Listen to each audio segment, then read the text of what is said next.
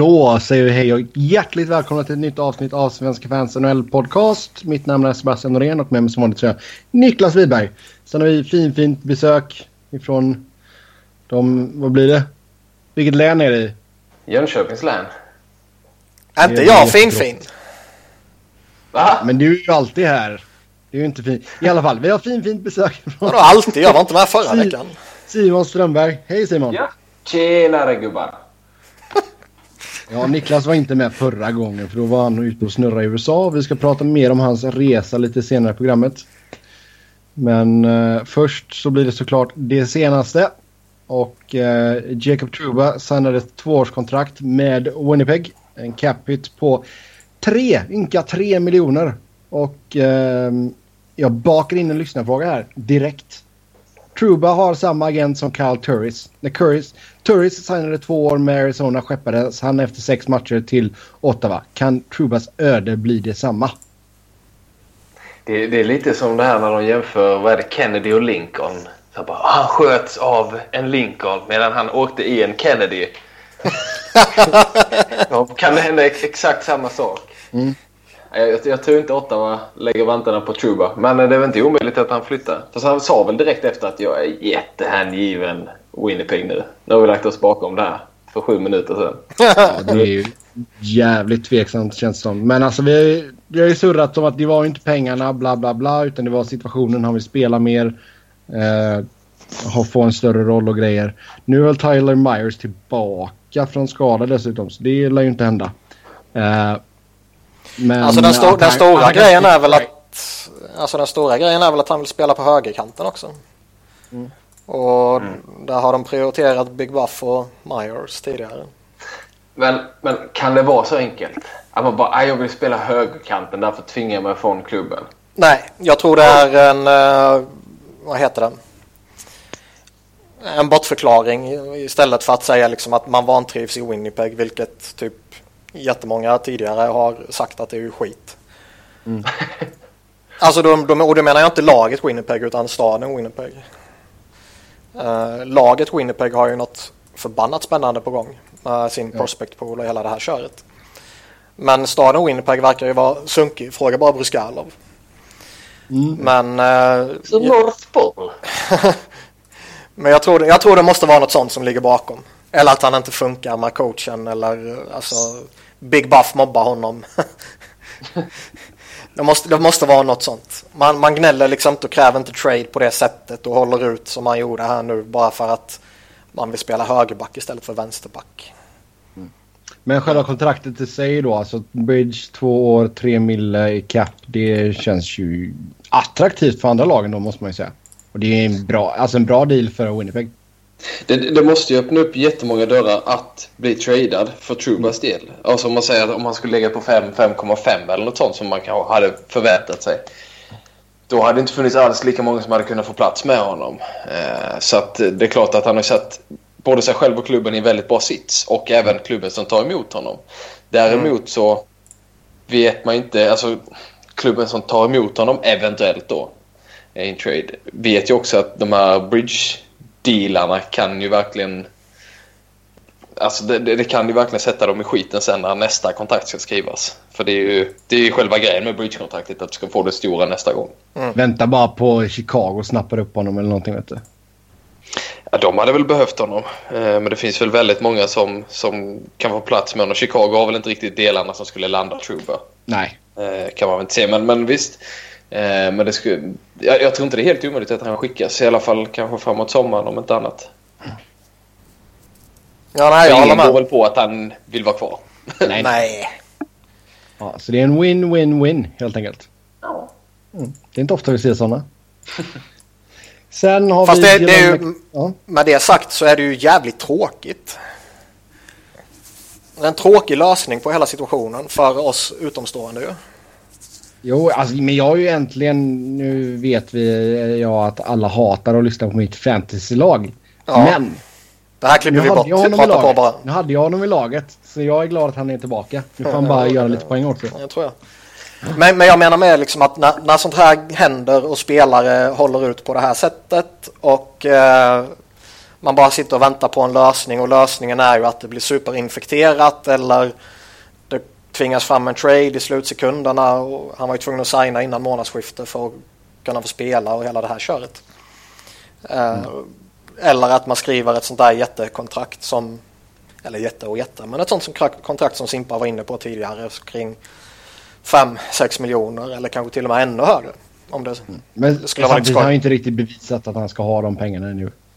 Nej, men jag tycker väl inte heller det är orimligt att han skulle kunna få det med tanke på vilka andra kontrakt som slängs runt i ligan. Mm. Då Så. går vi vidare till Dylan McIlrath som gick till Florida i utbyte mot Steven Camphor och ett conditional sjunderumsval till Rangers. ja, en het trade. Mm. Nej, men eh, McIlgrath är väl... Ja, jag, ska inte säga att jag kan jättemycket om honom, men han är väl inte den... Han ser inte jättesnabb ut på grillarna direkt. Men är han inte eh, typ Eric Goodbranson 2.0? Jo, det var lite det jag tänkte komma till. Jag tror Florida har insett att spelet i egen zon är snudd på katastrof emellanåt. Och man kanske behöver en eh, spelare som kanske inte bara är duktig på att transportera puck.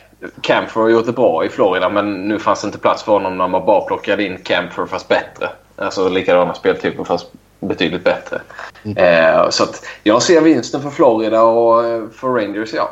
Camfer Camphor som, som kan fylla ut och transportera lite puck hos dem. Det behöver ju de så det var väl rätt... Eh, ja, inget som på något sätt räddar eller sänker något av lagen.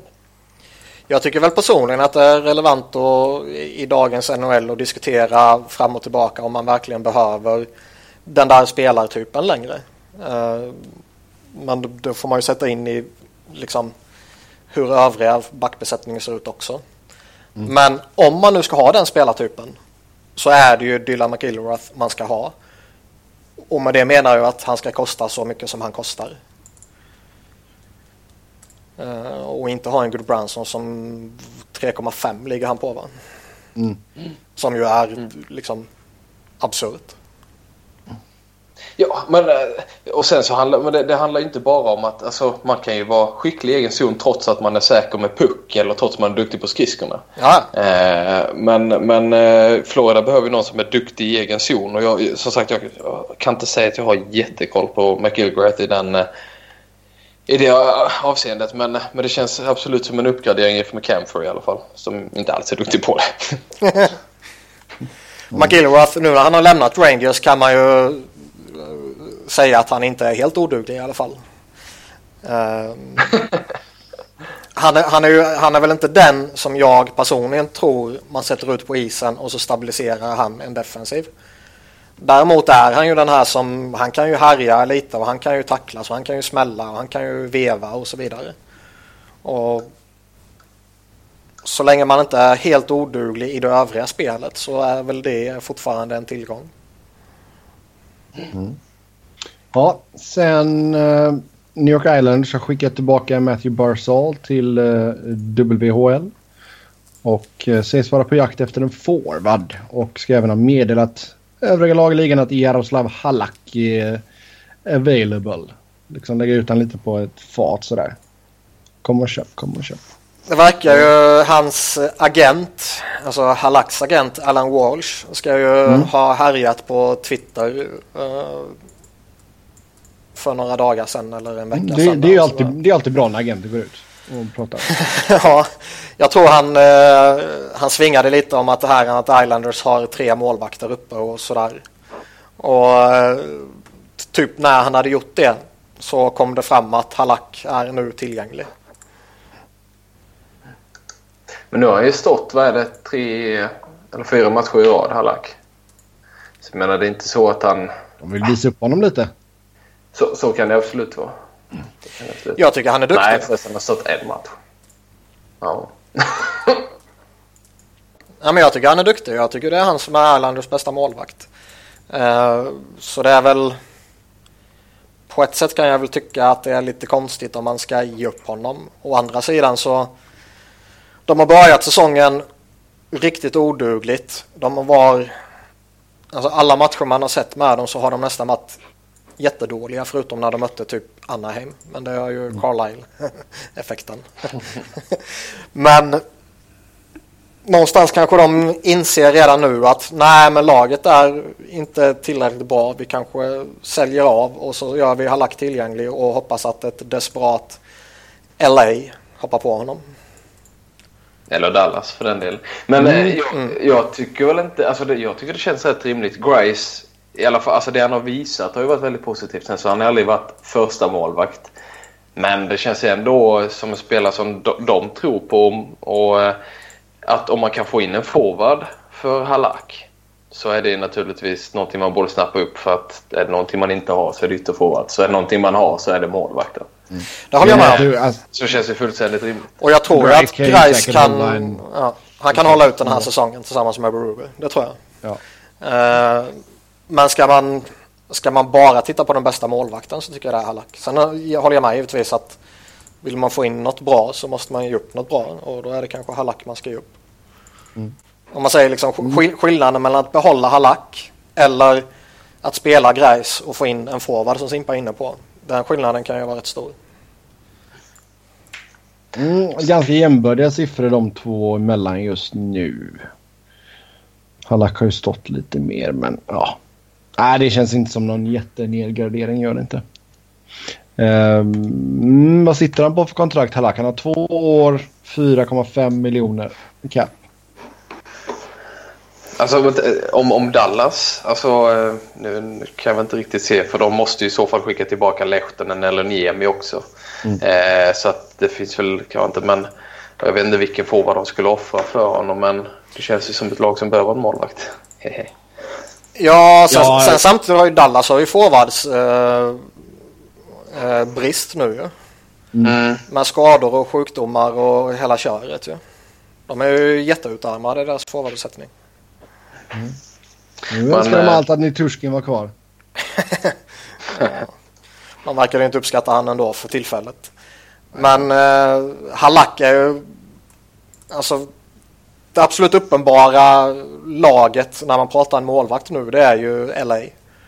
Och jag tror inte de vill ta på sig ett tvåårskontrakt.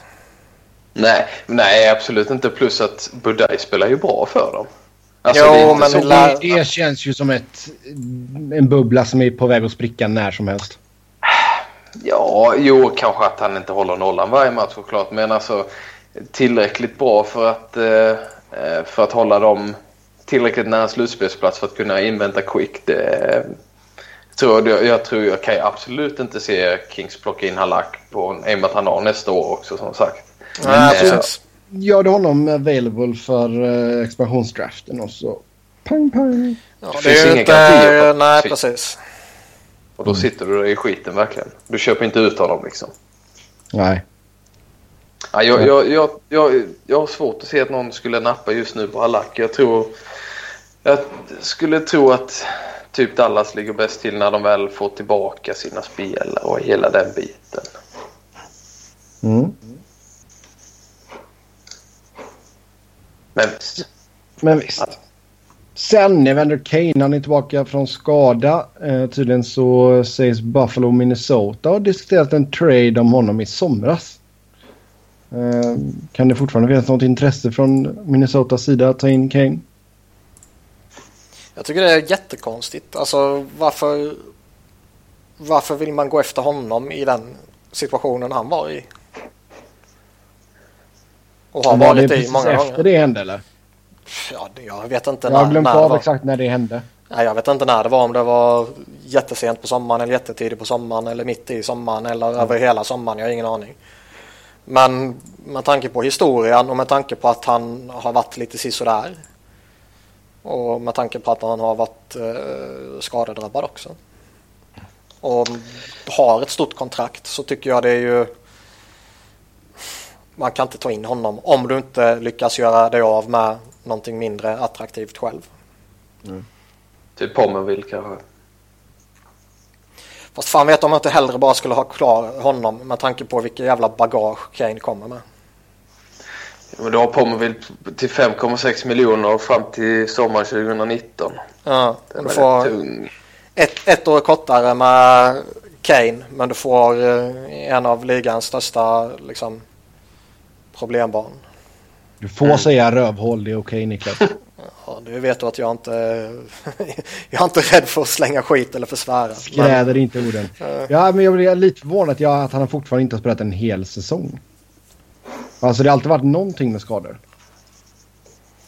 Ja, det är lite tråkigt för när han kom fram där så var han ju sjukt intressant. Han hade ju allting för att kunna bli en riktig monster power forward. Mm. Och det har han väl fortfarande någonstans i och för sig. Men det känns som att det hoppet har ju försvunnit helt och hållet med tanke på skadesituationen. Men sen är han ju mm. fortfarande relativt ung faktiskt. Han är bara 25 år. Det känns som att han har varit med jättelänge. Men det har han. Ja. Men eh, ja. Det, det, jag, jag, alltså får han bara ordning på kroppen så är det ju ingenting som säger att han kan ha flera bra år framför sig. Han har ju absolut 25-30 mål i sig. Fortfarande, vad, vad, vad gjorde han i fjol? 20. 20, 20 på 65. Och, men det var ju Buffalo som var uruselt. Ja, han var ju för bra för dem. Eh, så att eh, jag menar, det, jag, jag, jag, skulle kunna se Minnesota göra en chansning på honom. Och så sagt, skulle det inte funka så är det bara, tjänar man ändå ett år på det eller då, låt säga att han är ett riktigt rövhål så släpper honom till, till eh, Las Vegas i sommar. Där skulle han ju alltså, implodera verkligen. Alltså, ge det typ ett halvår så bara, nej, Vende Kane har spelat bort alla sina pengar. Uh, det, skulle, ja. det skulle kunna vara den sämsta fitten någonsin. ja. Eller bästa. Eller, eller, eller bästa. ja. Ja, det är... Usch. Alltså de får nästan ta, alltså de får verkligen passa sig i Las Vegas här nu när de ska plocka spelare sen. Mm. Det gäller att kolla, eh, kolla igenom deras bankkonton. innan och se hur mycket de spelar.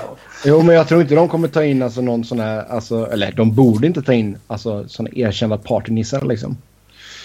Uh, så vi får se, får se. Uh, Vancouver letar efter hjälp med att göra mål. Fast uh, det, där, det, där, det där tror jag ju liksom har du det livet som spelarna har och de pengarna som spelarna har så är ju den en risk som finns i alla städer. Ja, det är klart det. I, alltså, I synnerhet storstäderna. Och det finns ju till, jag, jag, tillfällen man kan göra det och tillfällen man inte ska göra det. Jag tror, ja, inte, men jag... jag tror inte de tar Jarrett Stahl till exempel. det, det, tror jag inte. det är klart det finns vissa som det finns större sannolikhet för just i Vegas. Men annars generellt sett så alltså vill du spela och vill du gambla och vill du supa och festa och snorta och hela det köret så kan du göra det vad fan som helst när du är en sån när du har de ekonomiska möjligheterna. Ja. Mm. Kan man göra det i Winnipeg? Det är frågan. uh, ja. Mm. Uh, Vancouver då, som sagt. De letar efter en 20-målsskytt och andra GMs har då uh, ringt Jim Benning och sagt Hej hej, uh, Olli Joloevi eller Brock Bosner tack. Inte båda, frågar Benning då.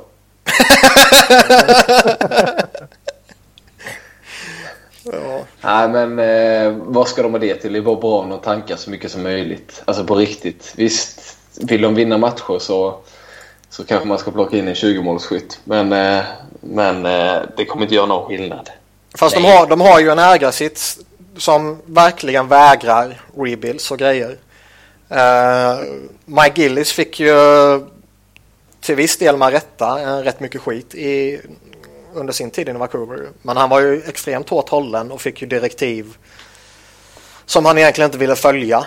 Och eh, fick ju inte göra som han tyckte var bäst utan ägarna ville ju att man skulle gå för det och man skulle göra på deras sätt.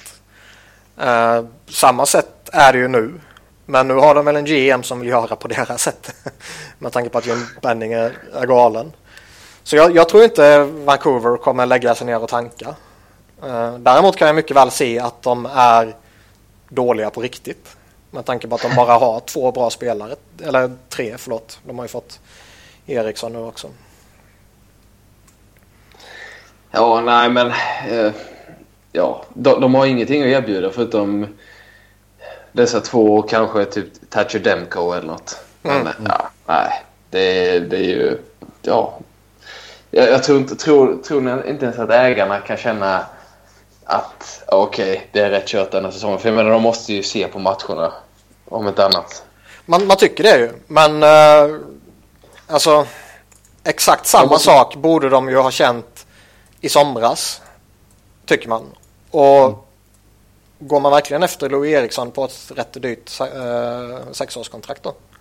Fast där är ju samtidigt så att kanske i deras situation om man är i en rebuild så kan det vara bra att ha en, du måste ändå komma upp till löne, lönegolvet förr eller senare. Och, alltså det, det finns ju ändå lite...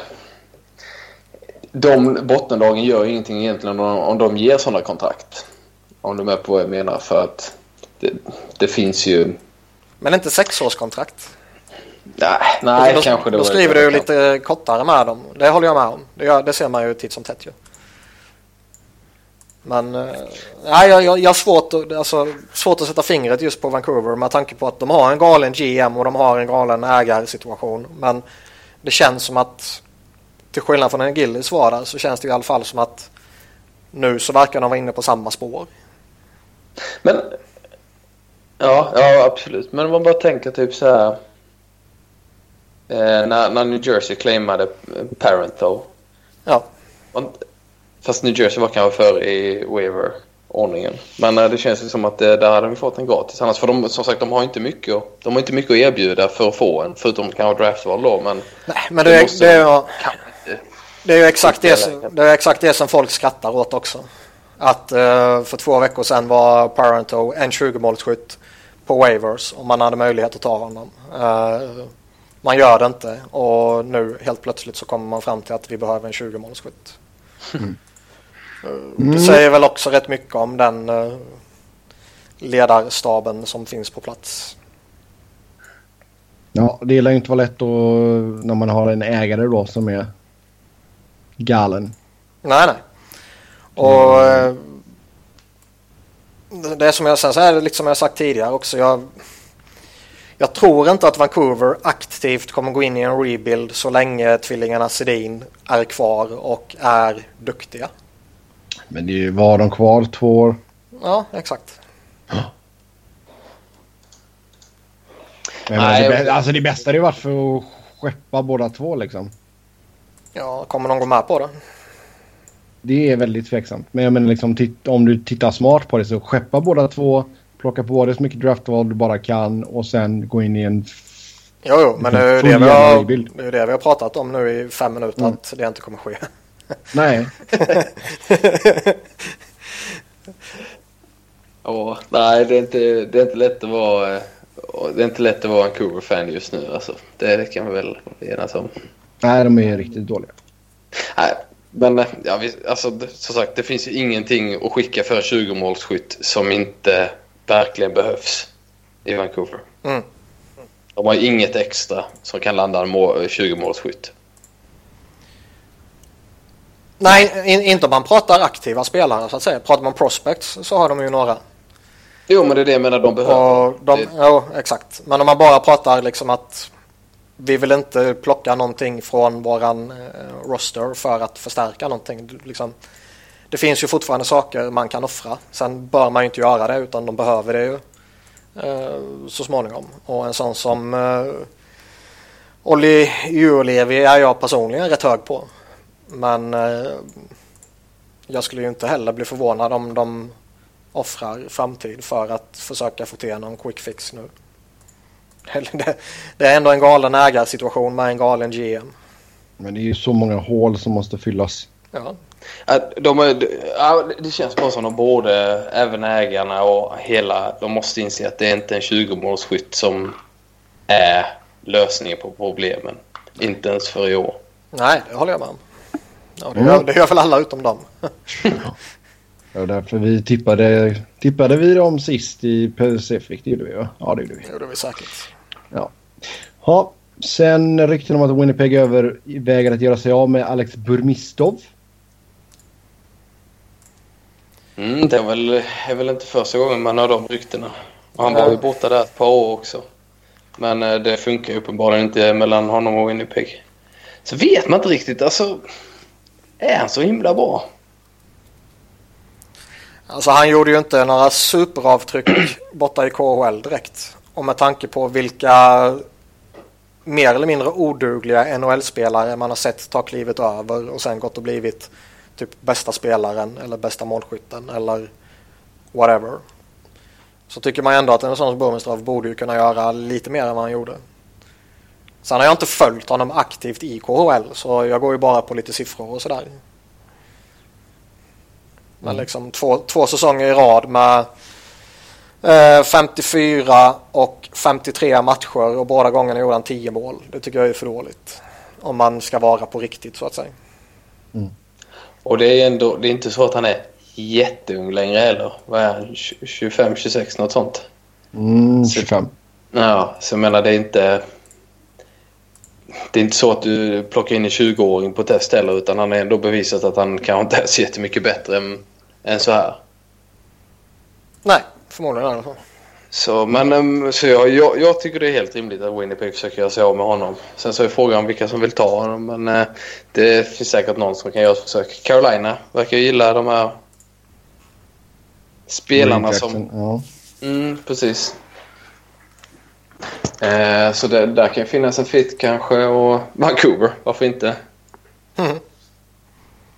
Men mm. Uh, ja.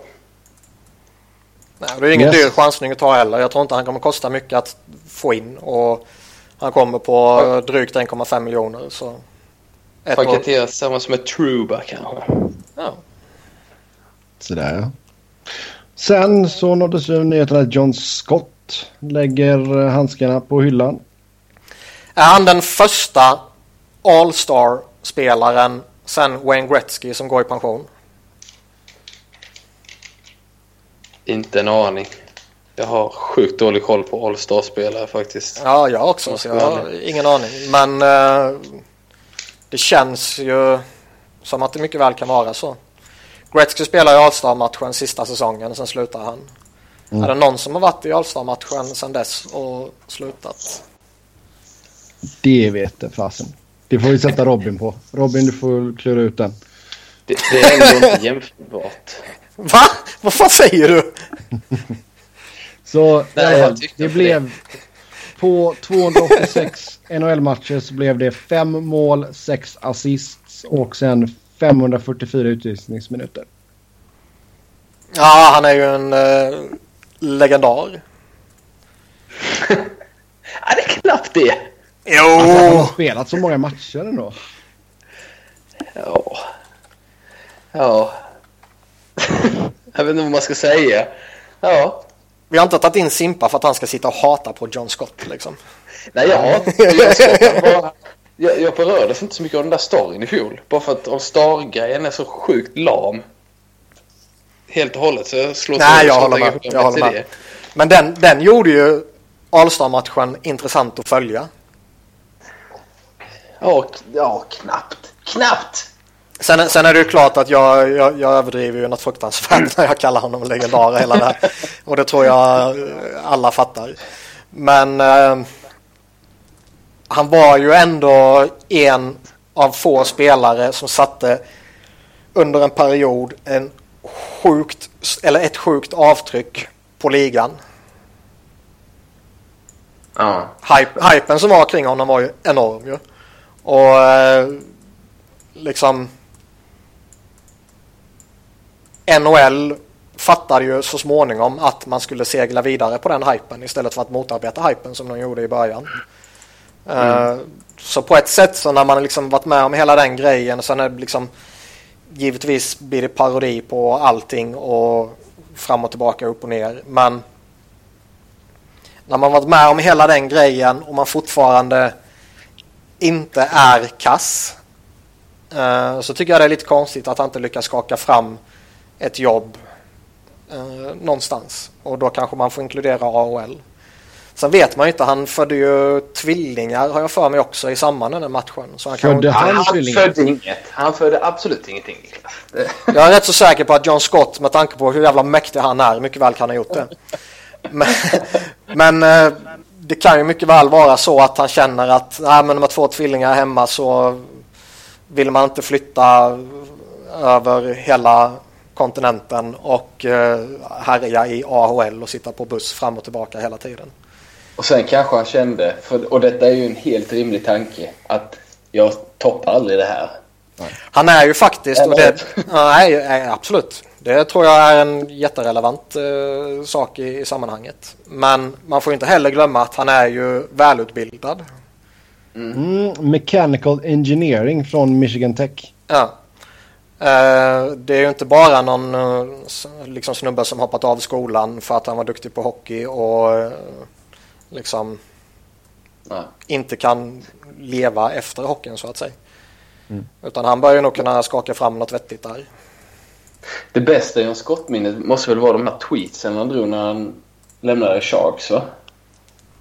Den minns jag inte. Det, var det inte han som tweetade massa skit om alla spelare i laget? Fast det var ju uppenbarligen på skämt men det var många som inte fattade det. Som trodde att de var tokdissade i hela Sharks. Nej, det minns jag inte alls. Minns inte det? Nej. Eller var det någon annan det handlade om kanske? Jag har verkligen för mig att det var John Scott. Ja, det låter som det kan ha varit han. Ja. Det minns jag mm. faktiskt inte.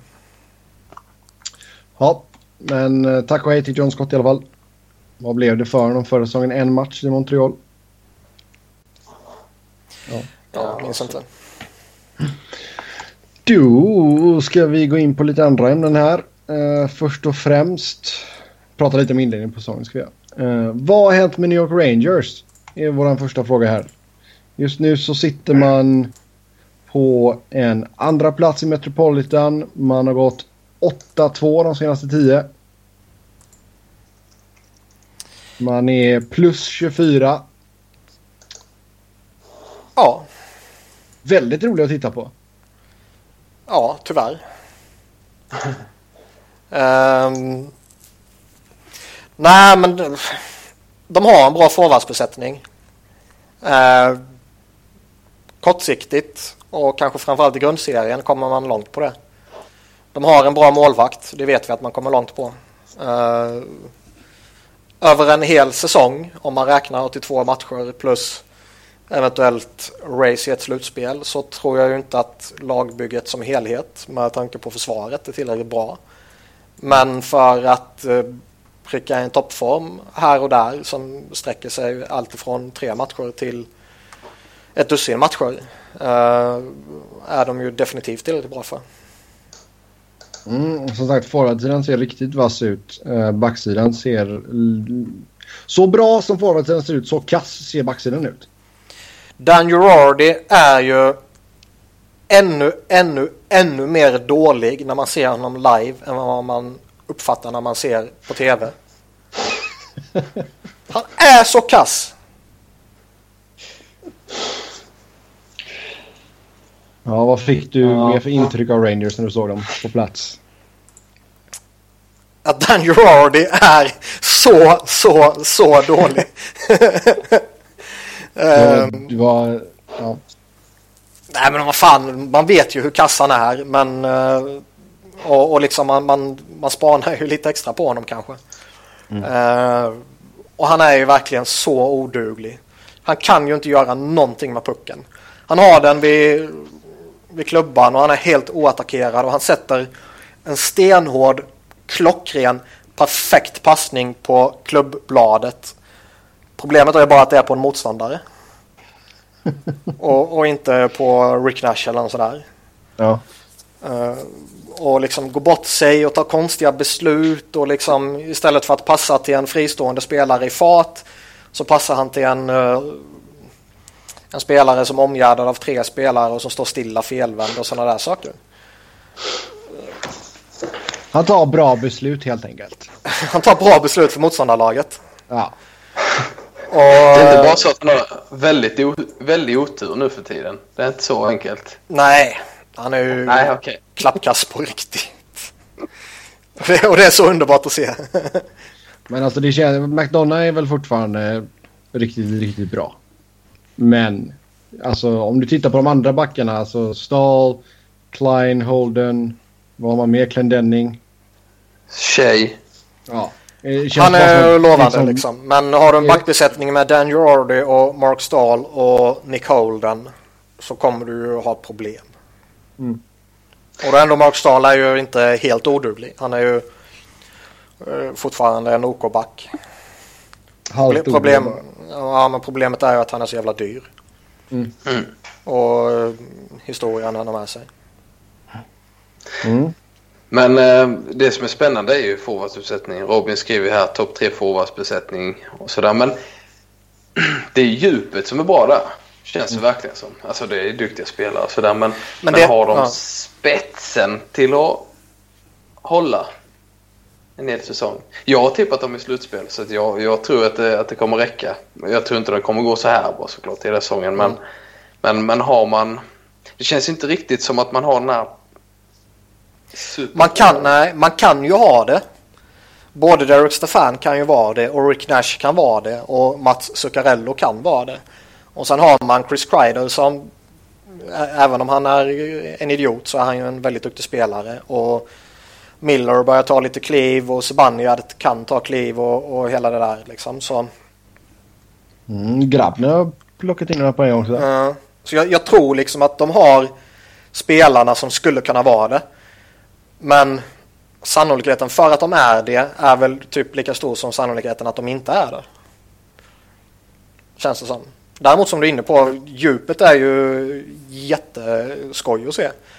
Och just det här att de liksom istället för som så många coacher envisas med slänger ut en fjärde kedja som består av skräp som bara ska tacklas. Så slänger de ut en fjärde kedja med, ja, vad har det varit, Pirro och Jesper Fast liksom. Och någon annan.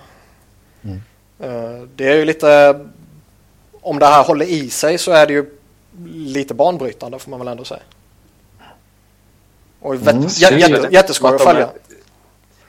Känns väl inte som att det är väl någon... Eller eh, alltså det här med att de spelar med en, en spelglad fjärdekedja. Det är väl eh, nästan mer regel än undantag nu. Eller? Är det bara jag som får den uppfattningen? Jag vet inte om jag tycker att det är speciellt banbrytande. Det, det är väl så man bygger nu, att man försöker ha fyra spelskickliga kedjor. Fast jag tycker fortfarande för många, det finns ju säkert exempel på det, men när Rangers gör det. Eh, och det handlar väl mer om att man har spelare som faktiskt lyckas spela så. Eh, alltså ja, men, men det, det, blir- det blir ju ändå en tydlig skillnad från tidigare år. Ja, inom egna laget, absolut. Ja. Eh, men just... just eh, Nej, det hela, i det hela, hela ligan kanske jag överdriver lite. Men, men pratar man bara Rangers så tycker jag ju definitivt det är så. jo, det. Jo. Ja, sen, sen, håll, sen man. tycker jag ju fortfarande att det är för många lag som kör på med skitspelare i lägre ner i hierarkin när man skulle kunna ha skickligare alternativ. Mm. Yes. Ja, det är ett lag som hade inte hade tackat nej till Truba i alla fall. Mhm. Det kan man ju. Alla placerar Visst. väl in honom där. Ja, sen ett annat lag som har gått bra det är Montreal. Eh, toppar hela ligan just nu. Man eh, radade upp segrar innan man gick på en riktig stjärnsmäll mot Columbus av alla lag. Man förlorade med 10-0. Eh, det var lite småroligt faktiskt. För jag kommer ju få besök här snart av en viss Petter Fritz. För er som har varit med länge och lyssnat. Och eh, satt och kollade på lite biljetter för Columbus. Och då var det den här matchen mot Montreal. Då fanns det alltså biljetter tillgängliga för 16 dollar. Alltså det hade ju varit guld. Betala 16 bucks och så får du se 10-0. Mm. Det enda så jobbiga är ju den förbannade jävla kanonen de har. Ja, tänk sitta jämte Jag den och höra den tio gånger. Uh. Jag gillar den. Nej usch. Om jag, om jag någon gång åker till Columbus så ska jag ha med mig sådana här hörselkåpor. Eller så häller du vatten så att inte han, krutet blir... Ja, exakt. Sabotera den. Nej, vi ska, vi ska faktiskt gå och se åtminstone matchen mot Colorado när Petter är här. Fick en jävla skitmatch. Ja, de, de spelar, när Petter är här så spelar de mot Colorado och Calgary. Fan vet jag om inte jag hellre skulle titta på Calgary.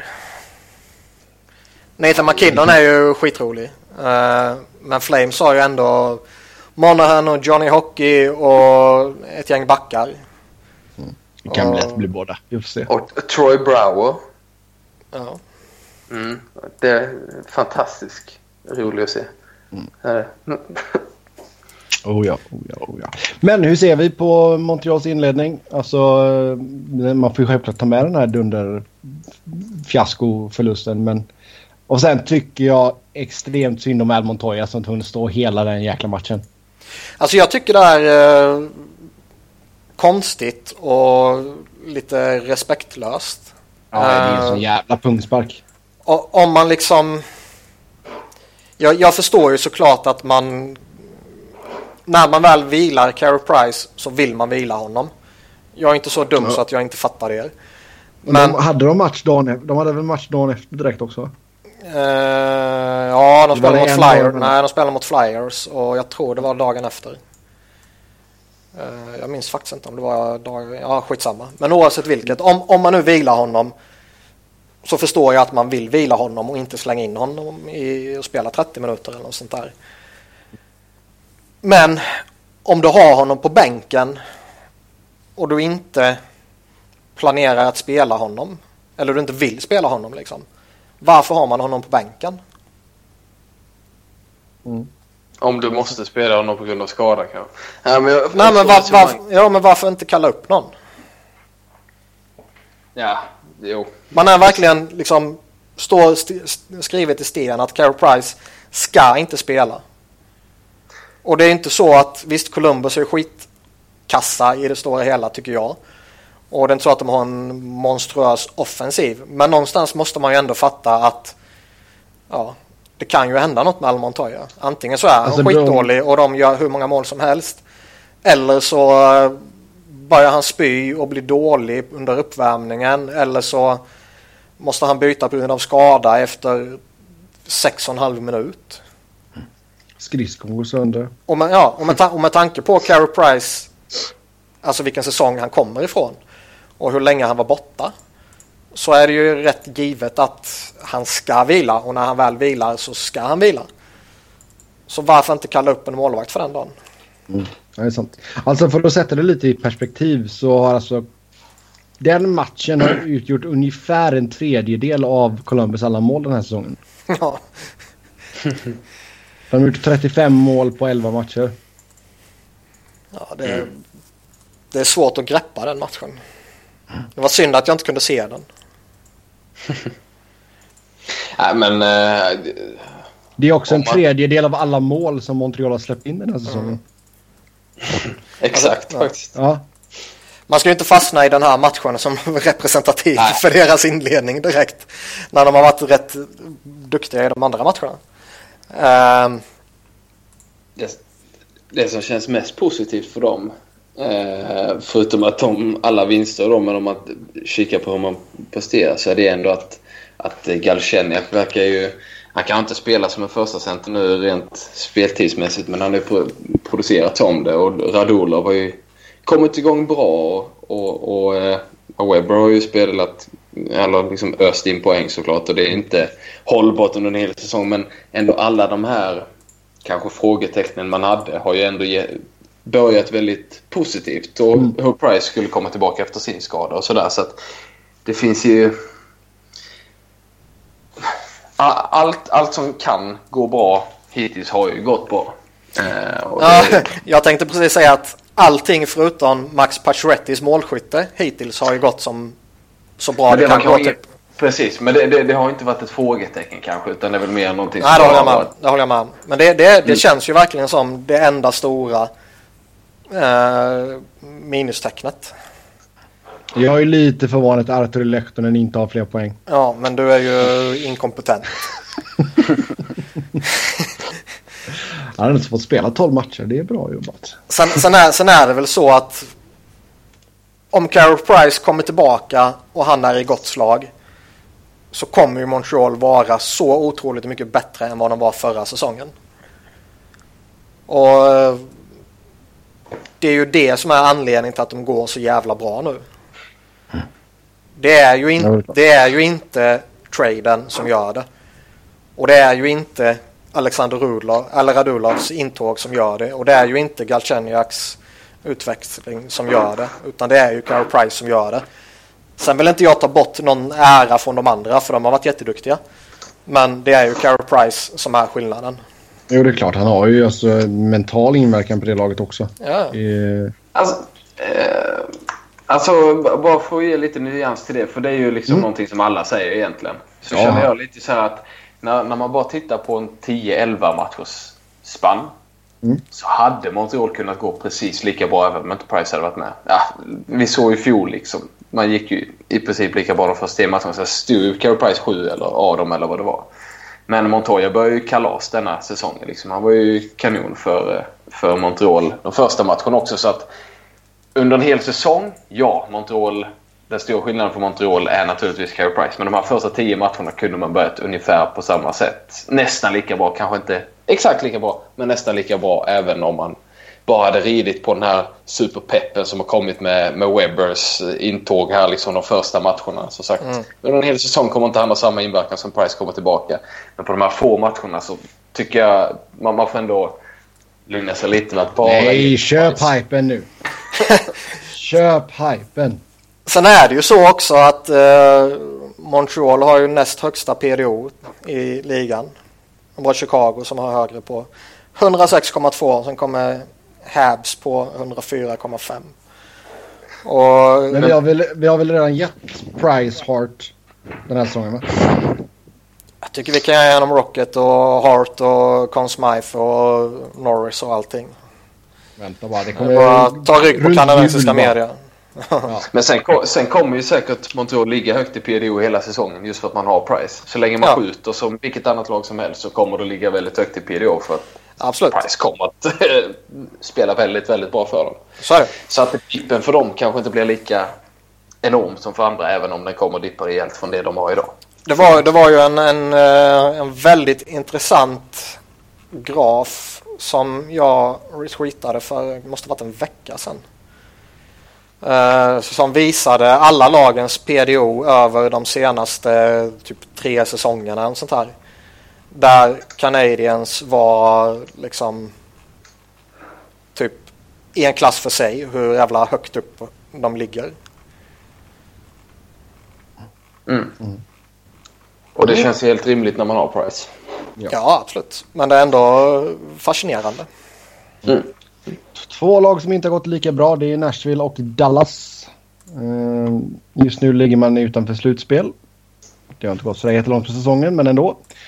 Ehm, Dallas har gått 2-5-3 de senaste 10.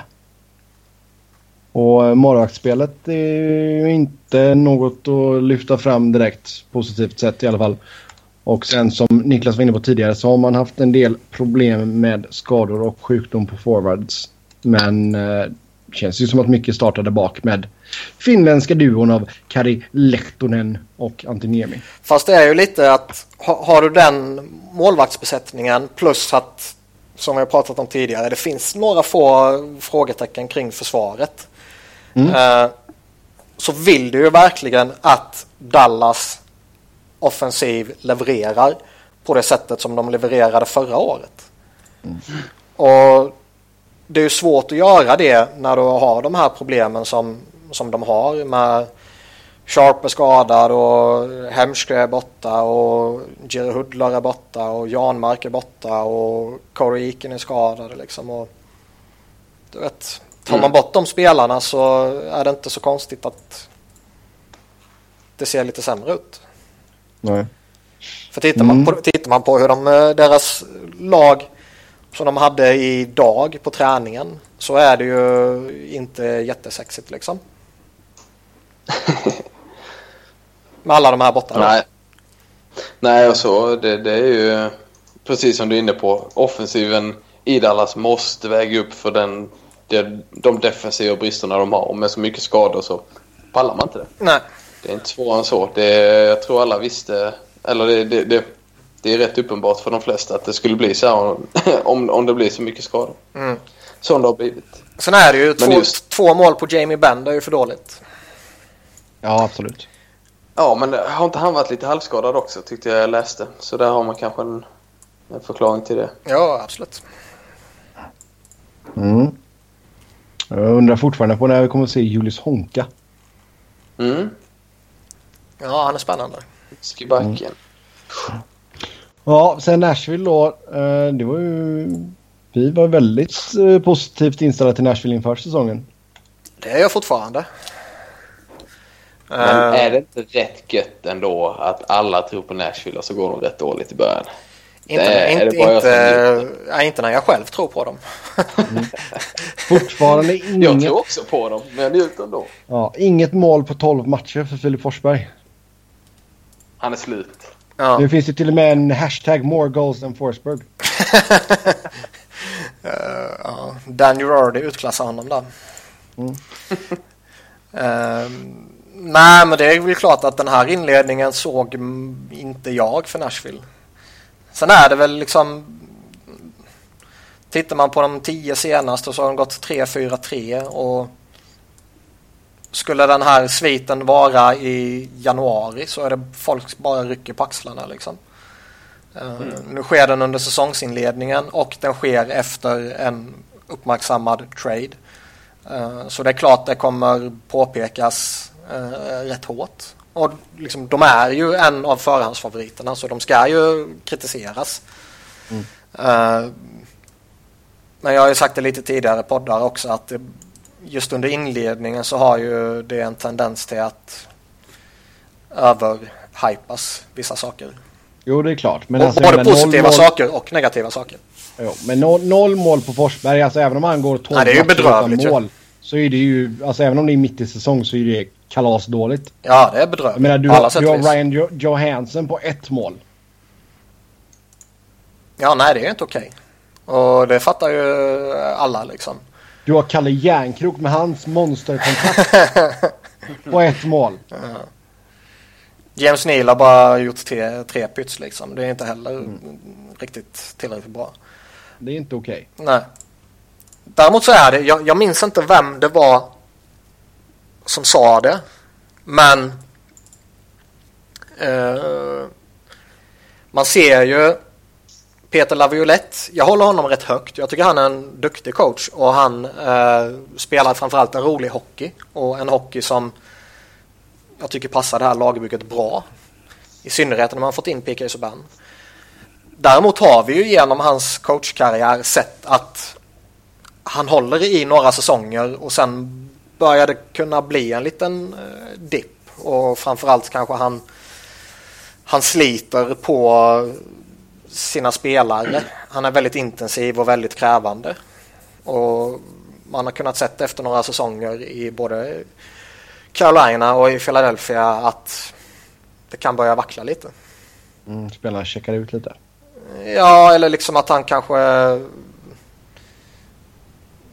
Alltså, om du konstant eh, är väldigt energisk och kanske skäller och sådana saker. Så på sikt tror jag att för varje gång det sker så kommer effekten bli mindre. Exakt. Det är därför man ska vara som Svennis. Man Ja, ska vara oerhört, oerhört lugn och sen så bara en dag så bara snap. Ja, men liksom då, då, blir, då blir ju det en jävligt stor grej. Om, om du har ett lag i fem säsonger och du har sju sådana totalt under de fem säsongerna. Då blir ju de utbrotten, om man säger så, blir ju åh fan, eller wow och, och sådana saker. Men om du hela tiden gör det och kanske gör det många gånger under samma match, Ja. eh, vilket Laviolette ju kan ha en, en tendens till att göra. Så på sikt kan det ju liksom spelarna bli avtrubbade. Och Men det, är det, är, det inte lite, är det inte lite för tidigt bara? jag tror det. Alltså det är ändå bara hans tredje säsong i, i Nashville här nu. Så egentligen tror jag nog att lite för tidigt. Men eh, man vet alltid. Bortskämda snorungarna som inte kan ta kritik. Kan det vara så enkelt? ja, sen är det ju så, vad är de? Två poäng från slutspel. Ja, om man kollar på tabellen här. Två poäng från Ja. Winnipeg, två matcher mindre spelare. Alltså det, det är en grej de hade börjat och haft tre poäng nu och legat jo. långt efter då. Man kan ha börjat känna att det börjar bli, nu måste poängen trilla in. Men det är, de, de är ju, det liksom, har inte hänt någonting i tabellen egentligen. Ja, och även om man hade legat här i mars så hade man haft ett kanonläge att ta sig till slutspel. Liksom. Oh, ja. Eh, och sen så förväntar man sig mer av dem, naturligtvis. Men det kommer. Det, det är för bra lag för att inte Jo, komma man, man, alltså, man kände väl lite att de kanske skulle vara där Chicago är just nu. Ja, lite så. Sen är det ju alltså, eh, man måste ju prata traden. Uh, The trade. Ja, och jag, jag vidhåller ju fortfarande att PK Subban är en så mycket bättre spelare än Shea Weber. Mm. Både idag och på sikt. I synnerhet på sikt. Uh, men jag tror ju också att den traden liksom Shea Webber, vi vet han var en väldigt stark ledare i Nashville och jag tror ju att han var väldigt, väldigt framträdande och liksom jag tror han styrde många saker. Mm. Uh, om du då plockar bort den spelaren och den människan så liksom, det kan ju ta tid att sätta en, en ny ledargrupp eller ett nytt sätt att, mm. att förhålla sig eller ett nytt uh, liksom, nya rutiner och hela det här köret ju. Och sånt kan ju påverka. Och det kan vara för, framförallt typ så som Forsberg nu liksom när det går lite tungt. Man, man, söker, man letar efter en ledar, ledarfigur liksom och, och ställa sig bakom och det, det ska man inte underskatta. Liksom den här gruppdynamiken som rubbas totalt av en sån grej. Det kommer säkert jämna ut sig så småningom. Man kommer hitta sina nya roller och sånt. Men det, mm. det, det, kommer ta ett tag och det, får, det tror jag Nashville är beredda på. Jag tror de är medvetna om, om att det blir så liksom när man gör den här grejen. För att Piqué Subban tar ju väldigt mycket plats men mm. inte på det sättet såklart som, som Webber gjorde. Mm. Uh, Däremot har ju Pekarinne varit duktig. Mm. Att han blandat jet lite som vanligt mm. eller? Ja, men om man ser på det stora hela sammantaget tycker jag han har varit duktig. Framförallt så är jag ju sugen på att se mer av Jussi Saros. Mm. Det är, där har du en bra finländsk målvaktsduo till skillnad från Dallas. ja, det, det säger jag inte emot. Men eh, Rinne, eller eh, Saros ska väl vara i AHL i år. Det är väl sagt egentligen. Jo. Det är väl Mazanek som andra målis. Mm. Ja, vi går vidare. Eh, vi har redan pratat om Vancouver. De, visst, de kan... Vad ska de göra? Jo, de ska tanka, men det kommer de inte göra. Så det var det. Edmonton är man på riktigt. Just nu så toppar man Western Conference med... Eh, nej, vad säger jag? Man ligger tvåa i Western Conference med 19 poäng på 14 matcher. Jag tippar även dem i slutspel om inte jag minns helt fel. Uh... Sen så tror jag inte att de kommer vara, ligga i toppen. Men eh, ju längre man kan hålla sig där ju bättre utgångsläge skaffar man sig inför slutet. Så även om man skulle rasa så har man lite poäng till godo. Eh, så jag, jag, tror på, jag tror absolut att de är på riktigt ur en slutspelskampsvinkel. Mm. Eh, tycker ändå att eh, alltså McDavid kommer vinna poängligan, vill jag säga. Eh, I år redan. Och eh, gör han det så har man en spelare som... Har du en spelare i laget som vinner poängligan så har, bör du i alla fall ha bra chans på slutspel. Och då ska det inte spela någon roll hur dålig Edmonton i försvaret eller vad man nu kommer ha sitt stora hål. Mm. Eh, för att då ska man ändå ge sig själv chansen. Eh, tycker ändå de har stabil keeper i, i Talbot. försvaret har väl ändå jag typ inte sett så jättemycket av Edmonton. Jag, samma sak där, jag har inte följt dem jättenära men det känns som att det är inget bottenlag längre i alla fall. Eh, och jag tror absolut man kommer vara, vara med och slåss om en slutspelsplats och det är väl målet i år. Så på riktigt, i den vinkeln ja, men på riktigt som ett topplag redan nu, nej. Mm, nej, det behövdes bara en av ligans bästa spelare för att laget skulle kunna lyfta sig. Ja, precis. precis. Mm. Mila Lucic så såklart. Och Adam Larsson. Ja. Chris Russell. Ja. ja. um... Jag håller med mycket av det Simpa säger. Däremot så känns det väl lite som att enda, om man kanske är lite hård, enda gången som det verkligen är farligt, det är ju när första kedjan är ute. Mm. Annars tycker jag fortfarande det är lite sådär. Lite fesjummet. Ja, sen har de ju fortfarande, alltså många av spelarna de har tillgängliga där bakom är ju ändå kompetenta spelare och eller lovande spelare. Men jag tycker fortfarande att ska man ta ytterligare lite ett steg så behöver man mer än bara Conor McDavid. Um... Mm. Jag tycker ändå de får ihop två bra kedjor. I alla fall. Ja, men jag tycker inte det är lika... Nu, nu är det, ju, det är orättvist att jämföra folk med Conor McDavid. Liksom. Det, det, Ja, det är det, är jävligt orimligt av mig på ett sätt. Men eh, jag tycker fortfarande att det är lite för... Ja, ja bakom honom är det fortfarande lite för mycket osäkerhet. Mm. Eh, vad har vi att säga om Jesse Puljujärvis start? Ett mål och två assist på 11 matcher. Och eh, en av de vidrigaste pizzaförbombsen någonsin. Han är slut. Skicka tillbaka honom till. Finland. Mm, mm.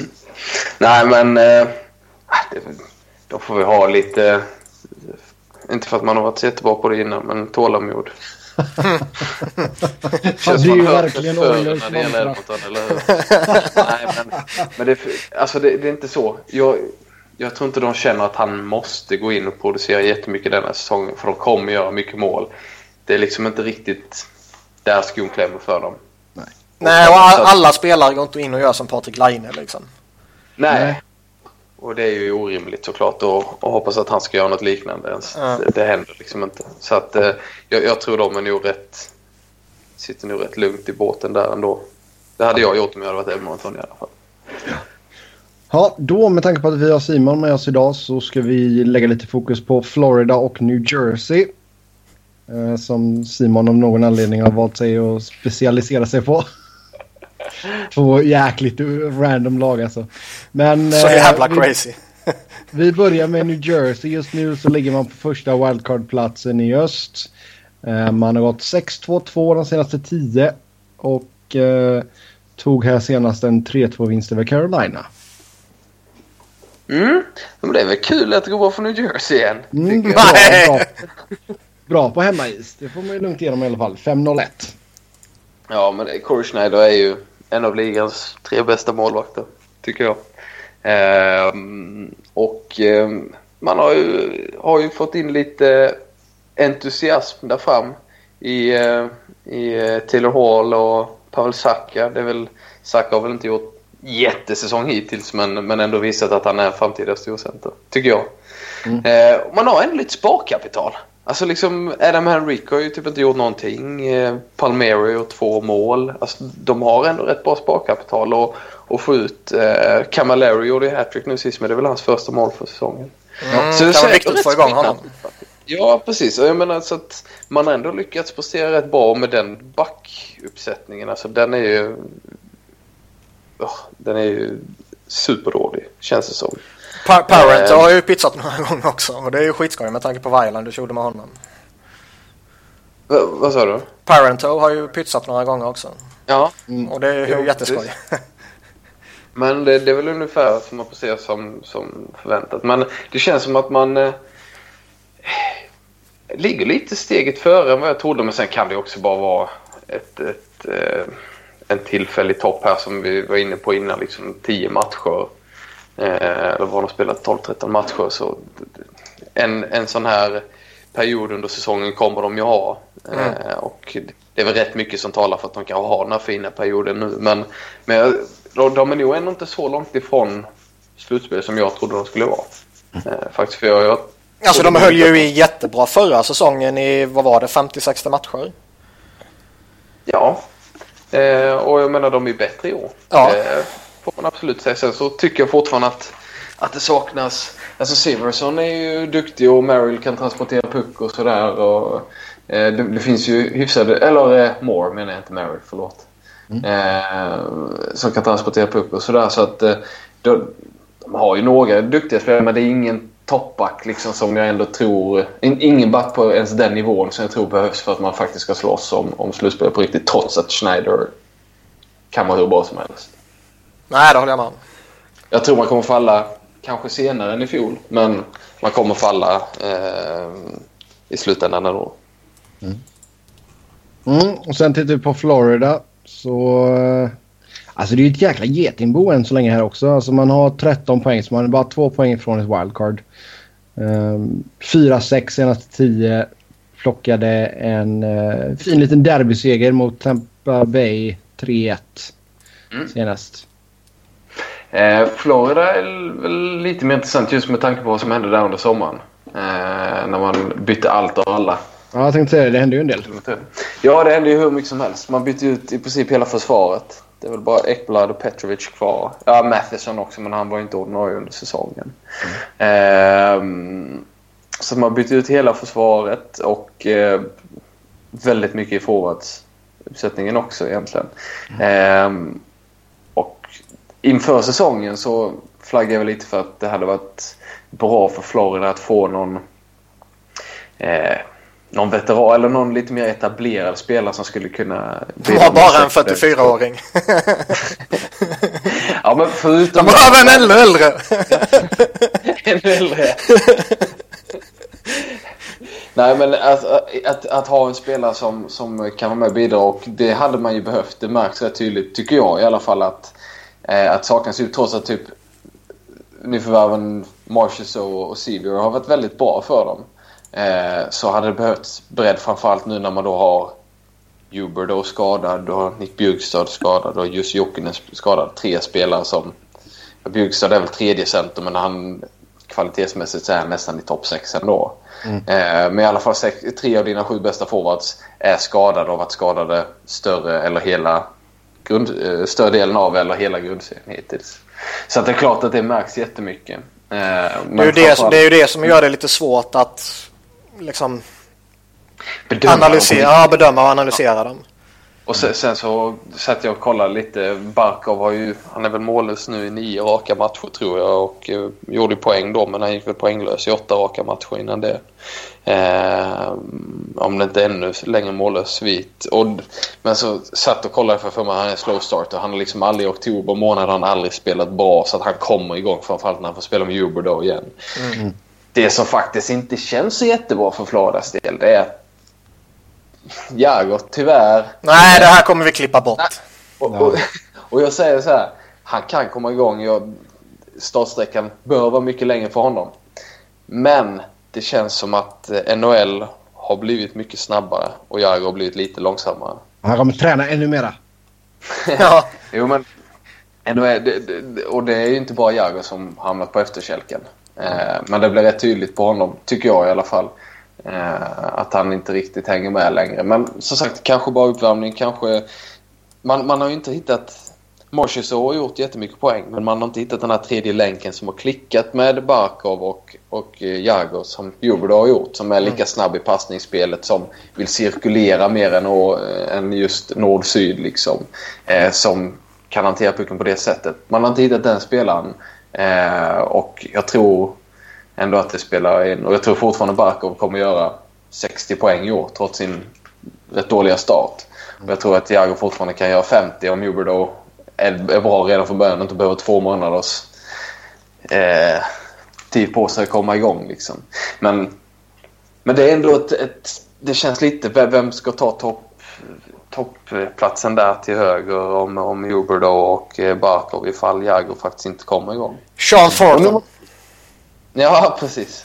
Sen men, nummer två då så... Ja, vad sa du? Ja, men jag tänkte säga alltså Mashersalt eh, har ju känts som ett litet fynd dock. Får man ju lugnt säga. Ja, han har ju tvåårskontrakt också. Under miljonen. Ja. Eh, vad är det, han har 750 000 tror jag. Så det är ju ett jättekap. Sen så kommer inte han göra en poäng per match hela säsongen såklart. Eh, men eh, han ger ju ett extremt bra alternativ till, eh, till toppkedjorna. Eh, och jag tror att han skulle nog fungera ännu bättre tillsammans med Riley Smith och, och Trocek som spelar mer likt spel, eller mer likt hans spel. Mm. Eh, så att Jokinen när han kommer tillbaka kanske vi ser honom i första kedjan skulle jag tro i alla fall. Olli? Eh, vad vad eh, har du att säga om Kitty Yandels start? Eh, rätt dålig. Mm. han, powerplay-spelet har inte direkt funkat och han har inte varit något nav i det. Eh, sen så har han väl... Eh, han har gjort ungefär det han är bra på. Det är ju fördela pucken och, och, och transportera den. Eh, men jag tycker också att det har blivit väldigt uppenbart. Jag tänkte komma till det. Han, han lite personifierar Floridas försvar just nu. att När man har pucken så är man rätt bra på att eh, hantera den. Eh, men vad man har väldigt väldigt stora problem med det är spelet i egen zon utan puck. Och det är virrigt. Det är väldigt ofta som man bara... Var är alla spelare? Mm. Och när man väl ser dem så är de på helt fel ställe och det, det, det är väldigt virrigt. Och det är väl lite, kanske inte helt olikt hur Kit Jennel har spelat hockey hela sin karriär. I NHL i alla fall. Att hans styrkor ligger med pucken. Detsamma gäller eh, de flesta backarna i Florida just nu. Att man är bäst med puck. Och jag tycker det blev tydligt. Och, och eh, Jandel som ändå skulle komma in och, och vara den stora stjärnan på backplatsen har, har, inte varit det. Och Ekblad har inte varit jättebra. Och, nej, för försvaret känns som att det lite där frågetecknet fanns inför säsongen och, och det, det, har ju bara förstärkts, det frågetecknet skulle jag säga. Mm. Då går vi in på Niklas resedagbok. Vad, hur har Bobby varit innan vi går in på det? Ja. Han har varit stabil. Eh, det, det, är väl ingenting som jag ser som någon större svaghet. Han har inte varit fantastisk, men eh, eh han har varit helt okej. Okay. Eh, det är inte så att Ryan har kommit in och, och dominerat heller, utan de har varit ungefär på den nivån som man kan, kan förvänta sig. Sen tror jag att statistikmässigt kommer det höja sig allt eftersom säsongen går, men det, han, han kanske inte... I fjol så var ju just var man bättre på att kanske eh, hjälpa honom eh, också.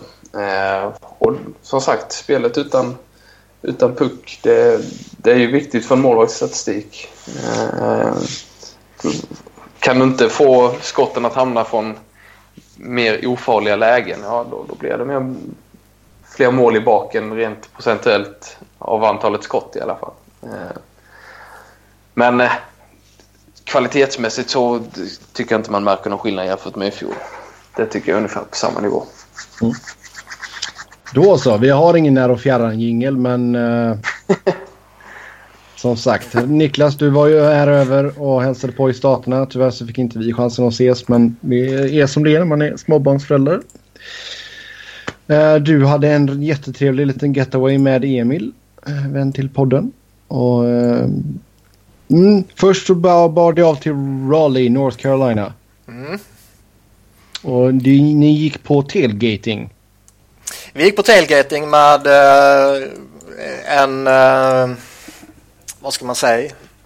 Supportergrupp. En, en supportergrupp, en läktarsektion plus lite uh, vänner och sådär till dem. Så vi var väldigt, väldigt många.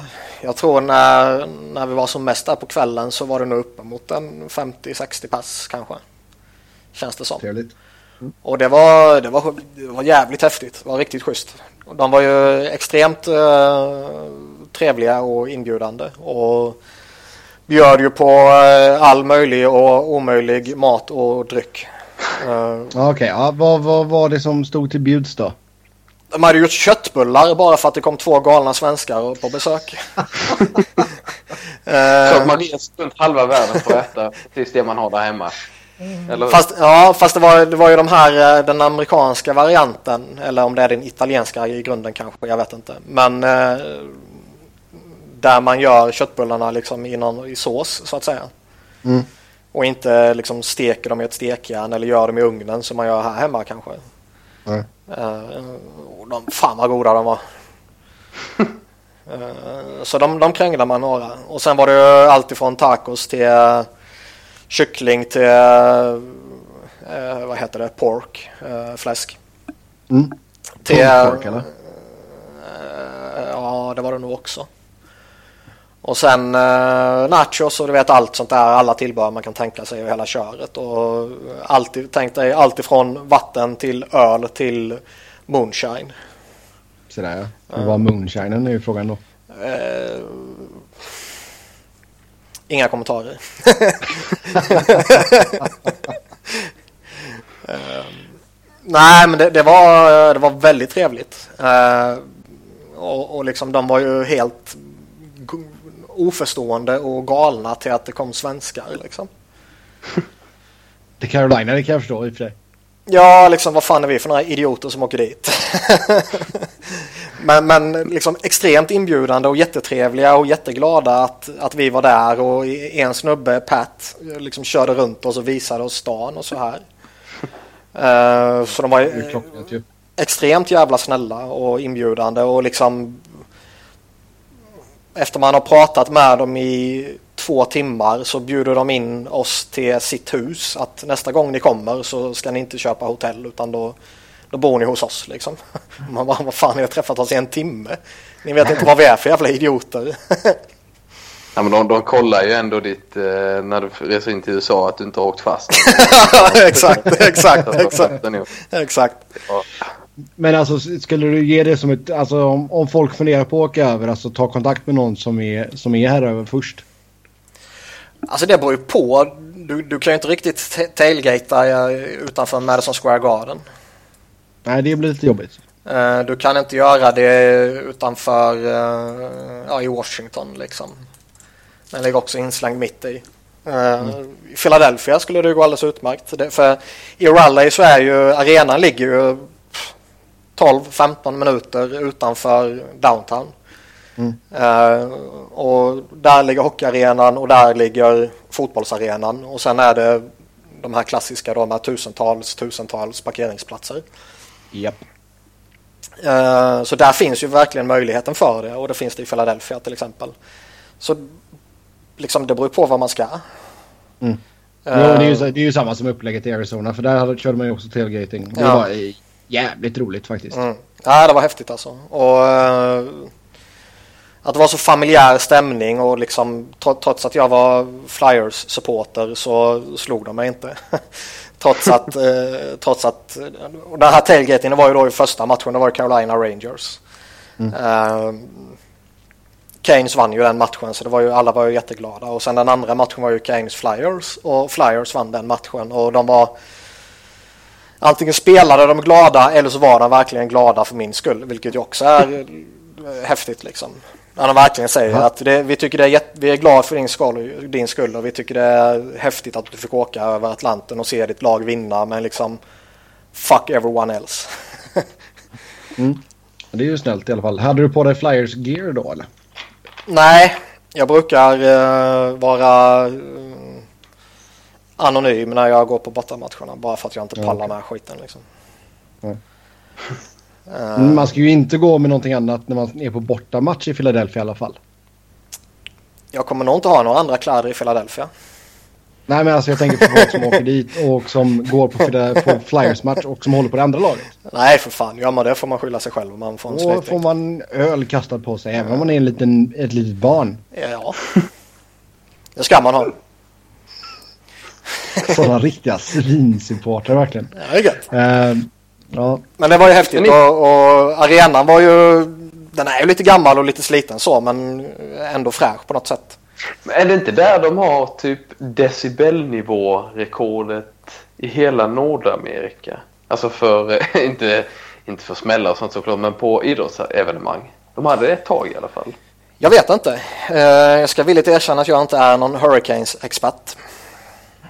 Alltså till sådana Men det tror du inte på längre. Du vet ja. att du har, du har ja. Carolina. Påståenden en fråga ändå. ja, ja. Eh, jag vet faktiskt inte. Men stämningen var ju bra ju. Alltså första matchen där när det var uh, Det var ju deras home opener då ju. De fick ju börja mm. säsongen med en liten roadtrip. Så det var ju home opener och lite speciellt för det. Och rätt mycket folk, eh, ändå bra ljudnivå och bra stämning och alla som gick in i arenan fick ju en keps liksom. Så när Skinner gjorde vad man trodde var hans hattrick då, det blev ju ändrat sen ju. Så, flö, så flög du in hur många kepsar som helst ju. Och det var ju häftigt att se ju. Normalt sett när man ser en jävla hattrick någonstans så flyger det in 57 kepsar liksom. Mm. Men det här bara det här var välde, ja, välde du in ju. Och det var ju skoj att se. Du Niklas som smålänning så antar du är smålänning så jag antar, antar att du bara stoppade ner kepsen i, i ryggsäcken och behöll den va? Ja det är klart. jag var faktiskt så snäll. Jag var faktiskt så snäll så jag gav min keps till Emil. Så det här. Fick inte han någon? Jo men han, han är så dum så han kastar ju sin. Ja. ja. Den som Ja. Span har. Sen, sen så åkte ni vidare till eh, New York City. ja. Och Vad stod på agendan där? Rangers mot Blues. Eh, där man betalar dyra pengar för att se New York Rangers hålla nollan och vinna stort. Mm.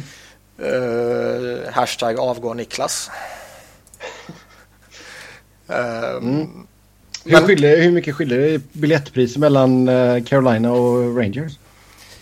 Jag minns inte, men det var ju första matchen mot Rangers i Car- Carolina då så satt vi ju med den här sektionen och det var ju översta etaget. Eh, de var ju inte dyra liksom. Nej. Eh, kan vi betalat 30 dollar kanske? Ja. Eh, kan jag tänka mig något sånt där. Mot Philadelphia satt vi på betydligt bättre platser som ju var ehm, rad 15 kanske på nedersta sektionen. Okej. Och de var ju svinbilliga också. Kan de kosta typ 60 dollar eller någonting liksom. Eh, vilket ju är sjukt billigt för Ja, för på nedre etaget absolut. Talar ju, de var ju billigare liksom. Och, och nedre etaget, långsida, NHL-match var ju billigare än att gå på jävla skithockey här i Växjö.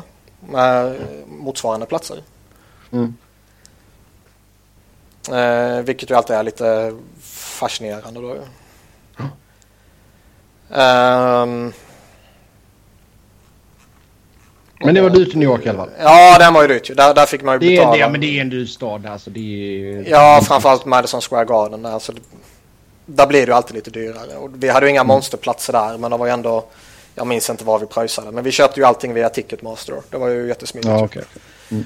Vågade du ge dig på att köpa dig en sån här classic New York hotdog i en eh, korvvagn? Inte en chans, jag är inte dum i huvudet. Alltså man har ju sett, de har ju, alltså det är inte bara korv med bröd, men det finns ju alltså sådana som kör typ kebab och du vet, man, man, är ju, man har varit lite sugen så tänker man bara nej. Ja, men det är klart man är, man är lite sugen när man eh, traskar omkring där. Man är lite småhungrig och Mm. antingen vill man ha nå, någon, eh, någon lunch liksom eller kanske man har ätit stort på dagen och bara vill ha något litet på kvällen. Eh, så nå, någonstans i bakhuvudet är det ju någonting som ligger och skrapar liksom. Mm. Men sen så tar ju förnuftet över. Och så går man vidare och så är man hungrig istället. Så ingen, tail, ingen tailgating på, eh, på Rangers då? Eh, Nej. hur, såg, hur blev det innan matchen? Blev det pub då eller? Eller bar? In, innan matchen så träffade vi faktiskt den store Patrik Hansen Oj, oj, oj.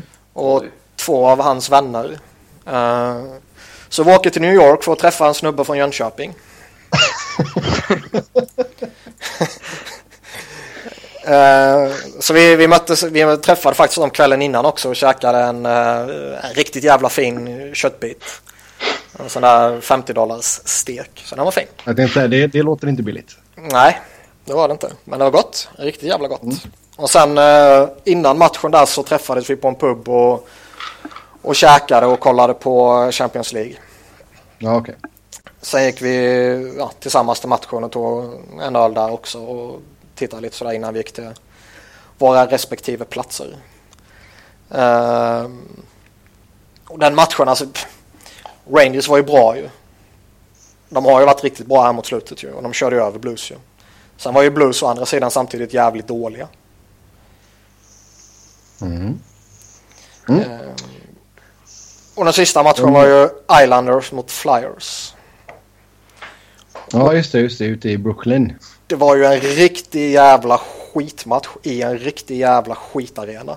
Men Flyers vann så jag bryr är, mig som är inte. byggd för basket. Ja.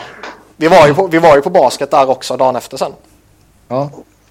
Och det var ju trams liksom. Det var en häftig upplevelse att ha gjort men blä.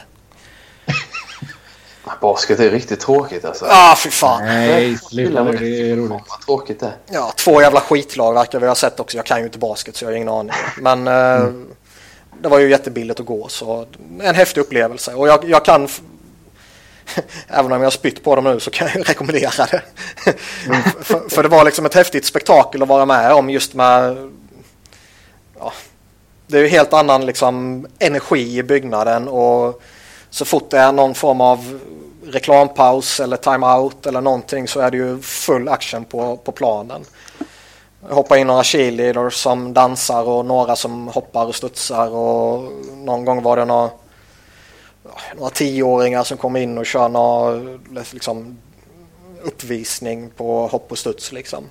Ja, okay. Hade de några sådana som körde trampolinen och dunkade sådär? Nej, faktiskt inte. Okay. Uh, sen var vi ju där under Military Appreciation Night så det var ju massa sånt där skit också. Och jag, säger, och jag säger det, jänkarna går igång på en hockeymatch och basketmatch också egentligen, men framförallt hockeymatch vid tre tillfällen. Det är när de ser sig själva på jumbotronen. Mm. Dance camp. och det är när de eh, får gratis saker, typ t-shirts som kastas mm. ut sådär liksom. Och så är det när de ser en militär. Antingen något uppträdande på planen liksom, eller på jumbotronen. Annars är de ju, har de ju ingen, liksom, den kulturen som vi kanske har här hemma som kan vara rätt mäktig på en hockeymatch. Den finns ju inte på samma sätt. Ju. Nej, nej, nej. Absolut inte. Eh, det visste jag ju givetvis innan jag åkte dit. Men eh, det blir väldigt, eh, väldigt, väldigt uppenbart och tydligt när man är där. Uh, sen har ju Islanders, de har ju en helvetes trumma. Deras jävla plast, ja, den jävla ja, plastsupporten alltså dunkar på en trumma hela matchen. Och det får ju inte en att tycka mer om Islanders direkt ju. Nej, sen, sen, trummor borde förbjudas. Ja. Sen var ju Barclays är ju... Vi åt en jävligt fin hamburgare tycker jag. I övrigt var ju Barclays Center Uh, alltså skit. på arenan? På arenan. Okay. Uh, eh, I övrigt var ju den skit liksom. Isen var ju... Man såg ju spelare trilla hela tiden och fiffla med pucken för att de liksom studsar till eller inte glider till ett bra olika saker liksom. Och det var... Men den, den har fått ganska mycket skit under säsongen. Fått jättemycket skit och uh, antingen, antingen var det precis innan vi åkte eller under tiden som vi var där så var det ju väldigt mycket snack om att NHL skulle skicka ut representanter för att undersöka det och så här. Och man, det var jättetydligt när man var där att den är skitdålig. Och sen när vi, när den, den, den, matchen hade vi eh, bra platser och vi var ju väldigt noga med att det inte skulle stå, lim, eller stå limited view på biljetterna. Ja, exakt. Men eh, när man gick runt lite och kollade och sådär och när vi kom direkt och gick ut så gick vi ut på den, eh, den berömda kortsidan där man inte ser målet nedanför sig. Åh oh, herregud. Och bara tittade liksom och det är ju, det är helt obegripligt. Hur fan kan man ha det så? de platserna? Ja. Det, det är äckligt. Det känns jävligt skumt. Ja. Uh, hur var det annars? Alltså, gick ni runt någonting i Brooklyn eller? Eh, I Brooklyn eh, gick vi pyttelite bara. Man kommer ju till tunnelbanan så kliver man upp precis utanför arenan. Och eh, matchen vi var där så gick vi lite kort bara och tittade om det fanns något, något ställe att käka mm, precis i närheten men hittade ingen mm. sån här jätte utan då gick vi in och käkade något där inne istället. Ja, okay. Och basketen sen så kom vi nästan, eh, ja då gick vi upp och så gick vi direkt till våra platser och satte oss vi ner och så tio minuter senare började matchen typ. Ja okej okay, okej. Okay. Så vi traskade inte runt så mycket där. Det var mest på Manhattan. Mm. Eller mest bara på Manhattan. Ja. Ja men det låter som en kul resa i alla fall. Ja det var inget fel på den. Vad lärde du dig Niklas? Vad sa du? Vad lärde du dig? Jag lärde mig att Dan Girardi är så sjukt, sjukt, sjukt mycket sämre när man ser honom live än på tv. Mm. Och samma sak någon... kan sägas om Chris van der Velde och Andrew McDonald också. mm. Var det någon spelare som blev positivt överraskad av? Um... Nej. nej, nej, nej, det, det kan helt rätt. Ni, Niklas är ingen positiv människa så det ja. Nej, men... Liksom du hade haft något positivt. Ja, men jo, jo, men det har jag ju. Men det var ju många spelare som var bra. Men liksom att Jeff Skinner skulle vara jätteduktig och Viktor Rask skulle vara jätteduktig. Det överraskar mig ju inte. Nej. Och att eh, Claude Giroux är liksom så jävla överjävligt bra, det överraskade mig inte. Att eh, Shane Gostisbeher är liksom så fantastisk, det överraskade mig inte. Att eh, John Tavares är det enda vettiga i Islanders eh, överraskade mig inte. Mm. Men, så, men det fanns ju jättemycket positivt att ta med sig. Och Rangers var ju genomgående jättebra. eh, när vi såg den matchen liksom. Men som sagt, kanske lite mer om man vill hålla på eh, kulorna lite så kanske det är bättre att söka sig till alternativa destinationer. Alltså Raleigh var ju, allting var ju jättebilligt ju. Förutom den jävla matchtröjan Emil köpte. Eh, men uh, Jo men ma- alltså, match, jag tycker överlag, alltså matchtröjor de blir ju svindyra om du ska ha... ja, de är jättedyra. Och då fick ändå Emil fick ju ändå 20 eller 25 procents rabatt för att vi hade en säsongskortsinnehavare med oss. Ja, okej. Eh, Så fick de rabatt där liksom. Men ehm, alltså även om man bortser från hockeyn så allt i övrigt är ju så mycket billigare där också. Vi traskar runt på några museum och sådana här grejer och i New York får man ju pröjsa för precis allting. Men där var ju allting eh, öppet och fritt. Mm. Och åkte ni till eh, NHL-affären? Ja, Mm. Den är dyr. den är dyr. Men är eh, dyr. Och man ska, man ska ju ha tur, jag har ju varit där tidigare så jag, det här visste jag ju, men man ska ju ha tur att hålla på rätt lag om man går till NHL-affären i New York. Jag tror Emil tror jag hittade en t-shirt och en mössa och typ en mugg med Hurricanes-grejer. Men det fanns ju typ liksom 20-25 stycken Philadelphia-grejer. Köpte en av varje eller? Ja. Ehm, Gav du din eh, systerdotter eh, Claude Giroux? Var det Claude Giroux? ja, fan vad hon älskar den. Ja, okej. Uh, kramade den och hånglade upp den direkt liksom. jag, skulle, jag skulle ha gjort samma sak om jag skulle fått en sån givetvis. Och, så det, det är ju liksom inte Du försökte göra det med Giroux när du såg en match. Ja, ja. Och sen fick jag, jag fick ju stå typ två meter från Chris van der Velde. Det var stort. Det var riktigt stort. I spottavstånd. Ja, det är bra. Ja, men det var, det var kul att det hade bra. Nästa gång du kommer över så får vi eh, se till att lösa någonting så att vi kan ses också. Får komma till Columbus helt enkelt. ja, för fan. Kan vi, kan vi båda sitta där med våra hörselkåpor? Ja. En sak jag kan rekommendera dock- som inte har med hockeyn att göra. eh, När man åker till New York. Uh, se till att ladda ner en app som heter New York. Som är eh, liksom en karta som funkar offline. Där man kan söka och få upp alla stora grejer och man kan favoritmarkera så man har koll på vad man ska. Och hela det här köret som uh, Hansen tipsade oss om och som jag drog hem och som var eh, väldigt smidig. Numera finns det ju wifi överallt men eh, eh, när man bara är ute och traskar sådär och, och liksom bara vill kolla upp en snabb grej och inte pallar gå in på en pub bara för att få lite wifi liksom så, så var den smidig. Man kunde ladda hem en större variant av den också där man får massa information om allting men det pallade jag inte göra. Men det, det är sådär liksom, åker man till New York så kan det vara värt att ladda hem den. Hette New York eller? Vad sa du? Ja, inte San Francisco utan New York. Ja, det är bra.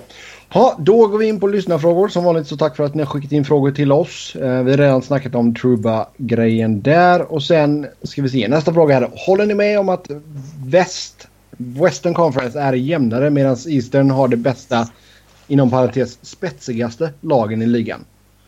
Eh, är eh, Eastern Conference-laget favorit att vinna Stanley Cup? Det är för tidigt för att svara på. Men eh, Pittsburgh vann ju i fjol så att det får man väl säga. Jo men det, jag kan väl tycka att det är rätt spetsigt i, i East nu för tiden. Men, eh, ja, Men det är fortfarande de ganska jämnt ändå. Ja, ja jo, jo det är det ju. Men kanske topparna, det är kanske är större skillnad på topparna och de som precis tar sig ett slutspel. mm. än vad det är i, i West. Det håller jag med mm. Men visst, men... Eh, ja. Eh, det är väl ungefär som det, så som det har sett ut de senaste åren. Tycker mm. jag. Alltså jag tycker, alltså Central håller jag väl fortfarande som den bästa divisionen. Ja. Uh, mm. Men alltså Pacific har ju ändå så gått ner sig får man ju säga. Ja, den här Kalifornien-dominansen har ju inte... Eller den har ju verkligen försvunnit liksom. Ja. Uh, det känns inte som att något av dem är helt givna i slutspel även om jag tror att alla tre tar sig dit. Så, uh, ja okay, Sharks. Som... Underskatta inte Carlisle. Nej, precis. Men men eh, det känns ju samtidigt inte som att något av dem är helt givna. Inte som, som eh, Tampa till exempel. Alltså de, tjän, de, alltså de tjänar ju på... Nu har ju Edmonton studsat upp lite och vi förväntar väl oss att de kommer vara och utmana nu i alla fall om en slutspelsplats. ja, och Calgary ja, också. Calgary, ja de måste få lite fason på målvaktsspelet och backuppsättningen. Vancouver kommer ju fortsätta rasa, de är ju skräp. Uh, Arizona, liksom, de är ju inne i en full jäkla rebuild.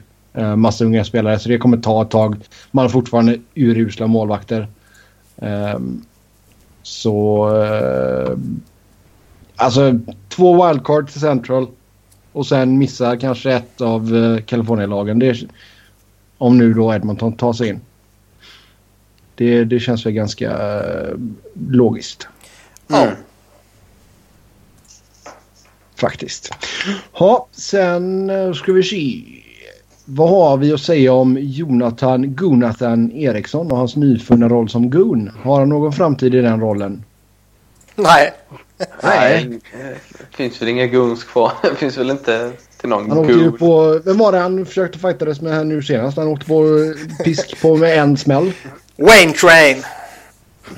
Dunka till honom, träffa hjälmen över liksom Uh, typ tinningen, tinningen. Ja, precis ja. ovanför örat där liksom. Träffa hjälmen med en, en, eh, en riktig jävla smäll och Gunatan rasade till isen. Ja, så det, nej, det som sagt, det är ingenting jag ska fortsätta med. Nu är Wayne Train en jävla övermänniska så man ska ju inte hålla det representativt för alla spelarna i ligan. Uh, men uh, jag tycker väl inte direkt att Jonathan Eriksson ska sadla om till att bli uh, den spelaren. Nej. Kommer Trumps intåg som president att påverka NHL något tror ni? Ja, när han startar tredje världskriget så kommer väl ligan ta ett uppehåll. Herregud. Nej, jag är alltså allvarligt talat. Jag, jag, nej, vi, jag, nej, jag tycker inte vi ska... Det har inte på svenska fans att göra heller. Politik liksom. Han bryr sig väl inte om, han, han bryr sig nog inte jättemycket om hockey. Han vet inte vad hockey är. Nej, ungefär så. Uh, borde inte Avalanche trada Eric Johnson? Hans rykte känns fortfarande lite väl bra och har en spelstil som attraherar den gamla skolan. Mm, man skulle säkert kunna trada honom men man måste ju ha en ersättare och det är inte så att Colorado flödar över av grymma backar. Nej. Så nej. Allting handlar ju om vad man får i utbyte. Jo, såklart. F får, du, får du David Clarkson eller Seth Jones från Columbus liksom? Mm. Men han landar, han landar ju inte Seth Jones i alla fall. Så vi, vi kan, nej, nej, nej, men det, det, var liksom, det var ju två extrema ytterligheter. Ja, ja. Nej, men, men, men, men det är det man, man skulle behöva få tillbaka för att det ska vara värt att trada honom. Och det får man. Ja, lite så. Man måste ju, ska du trada honom så ska det ju vara för att du bara ska byta ut honom mot något likvärdigt eller bättre. Mm. Uh, ja. Och Ja, jag vet väl inte om det är möjligt liksom. Nej. Nej, vad har han? Han sitter på 6 miljoner i capita och har kontrakt fram till 22-23. Det är alltid ja. de här drömtraderna man tänker på. Bara, Åh, men om de skulle paketera honom och Duchene och landa bla bla bla. Men det händer ju aldrig. Nej. Det är bara, det är bara på NHL-spelen. Liksom. Ja. och i fantasy hockey. Ja, exakt. Eh, sen har vi fått ett tradeförslag här. Hoffman mot Chen. Uh, vi ska säga att det är, inte är Luke Chen utan uh, Känns fullt genomförbar med tanke på bådas rykten. Borde Flyers gå för detta om chansen dyker upp? Vadå för rykte? Alltså deras rykten i eh, ligan. Jo, jo men... Men jag- Har Hoffman något speciellt rykte? Ja, han är ju en uh, jätteduktig målskytt. Mm. Ja, Ja, men han det- kanske jätteuppskattad av... eh, Vad man säger. Ja, ja. Nu ska vi inte märka ord. Nej, vi ska nej, inte... men jag, jag, jag undrade, det var därför jag undrade. Ja. Något om att han inte gill, trivs i Ottawa eller något sånt. Något Ja, nej, nej, nej, nej, nej, nej, nej. Nej. Ja, det är mer att Ottawa kanske inte alltid har visat honom uppskattning. Ja, lite så. Ja. Ja, Men eh, Niklas, som Flyers-supporter hade du sagt ja till den här traden? Jag vet inte. Alltså det känns så, så jämnvärdigt så... Nå, någonstans känns väl det som att Hoffman är lite mer utpräglade målskytten än vad Babychan kanske är. Eh, och att den utpräglade målskytten kanske skulle passa lite finare jämte Claude Giroux. Mm. Ehm, än vad den mer kanske känner ju mer en komplett spelare så att säga medan Hoffman är mer målskytten då om man ska generalisera lite. Eh, det är möjligt att han kanske passar in bättre där med Giroud och Simmons. Eller så gör han inte alls. Och till och från har ju Braden Chen inte ens varit i den kedjan. Utan han har varit typ tredje center. Mm. Ehm, För jag menar, de sitter ju på ganska jämlika kontrakt. Ja, de har producerat rätt jämlikt de senaste åren också. Mm. De är uppe och snuddar på eh, 30 baljor och gör 50-60 poäng. Så det finns rätt mycket, om man bara tittar på lite siffror och sådär, som är väldigt likvärdigt. Ehm. Men det, det känns väl inte riktigt som att någon av dem... Alltså jag tänker om, om klubbarna ska byta så är det kanske lite för att man känner att den ena spelaren har kört fast i ens klubb eller då såklart de inte Ja, trivs eller ja, man-. Men det ja, känns ja. inte som att det känns inte som att, att någon av dem skulle explodera i en ny klubb utan de har väl ungefär sina nivåer, eller? Ja, alltså det, det enda jag kan se det är väl kanske att den mer utpräglade målskytten lyfter sig lite jämte en av ligans bästa playmakers. Eh, Men det är inte så att jag tror att Jimmy Hoff, eller Jimmy, Mike Hoffman. Jimmy Hoffa. Ja. Mike Hoffman skulle, skulle gå och bli en 60-målsskytt. Det är inte det jag menar. Utan istället för att vara en, göra strax under 30 så kanske han gör 35-40 liksom. Eh, Det kan han givetvis göra denna säsongen i Ottawa också. Det kan ju vara lite slump och grejer och sådana här lite stolpe in istället för stolpe ut. Men det är väl kanske den lilla effekten jag kan se. Eh, Men sen samtidigt, det som Simpa säger, ska man göra den traden så det är mer för tradandets skull. I så fall. Han Ja. måste ändå ha varit en av få spelare som har lirat i ECHL som sen har gjort, gått upp och gjort över 25 baljer. Eh, ja. Det, det är någonting som Robin också får leta reda på. Vi, vi, ger Robin massa uppgifter här nu. Massa läxa. Eh.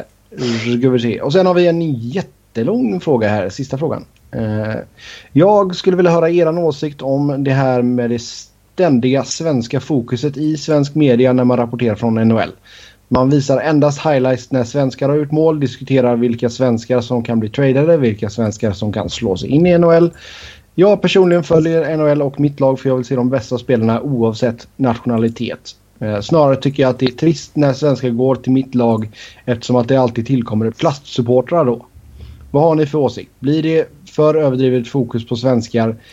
Eh, med detta i minne, hur högt skulle ni ranka Hampus Lindholm i NHL? Vissa journalister rankar honom som topp 10 back i ligan. Jag lyckades få in honom på plats 20 precis. Så det är många vi- frågor igen här. Om vi börjar med det här svenskfokuset så är det någonting man får leva med. Jag eh, gillar inte det och det är därför en, en själv hamnade på Svenska fans en gång i tiden. Eh, just för att där slipper man det. Eh, och jag tror de flesta som hänger på Svenska fans eller har samhörighet med Svenska fans känner likadant. Eh, men det är lite det man får leva med. Det, det, Sportbladet säljer inte sina artiklar mot NHL-nördarna för de vet att de, de som verkligen följer NHL kollar på mestadels nordamerikanska sajter eller sådär. Mm. Så man säljer till han som är någorlunda intresserad av NHL och de är ju intresserade av svenskarna i NHL. Så enkelt är det. Det, det är ju som Simpa säger och, och liksom jag tycker inte om det men jag är inte så dum så att jag inte fattar det heller. Liksom. Det, det är ju Nej, rätt givet att det är så.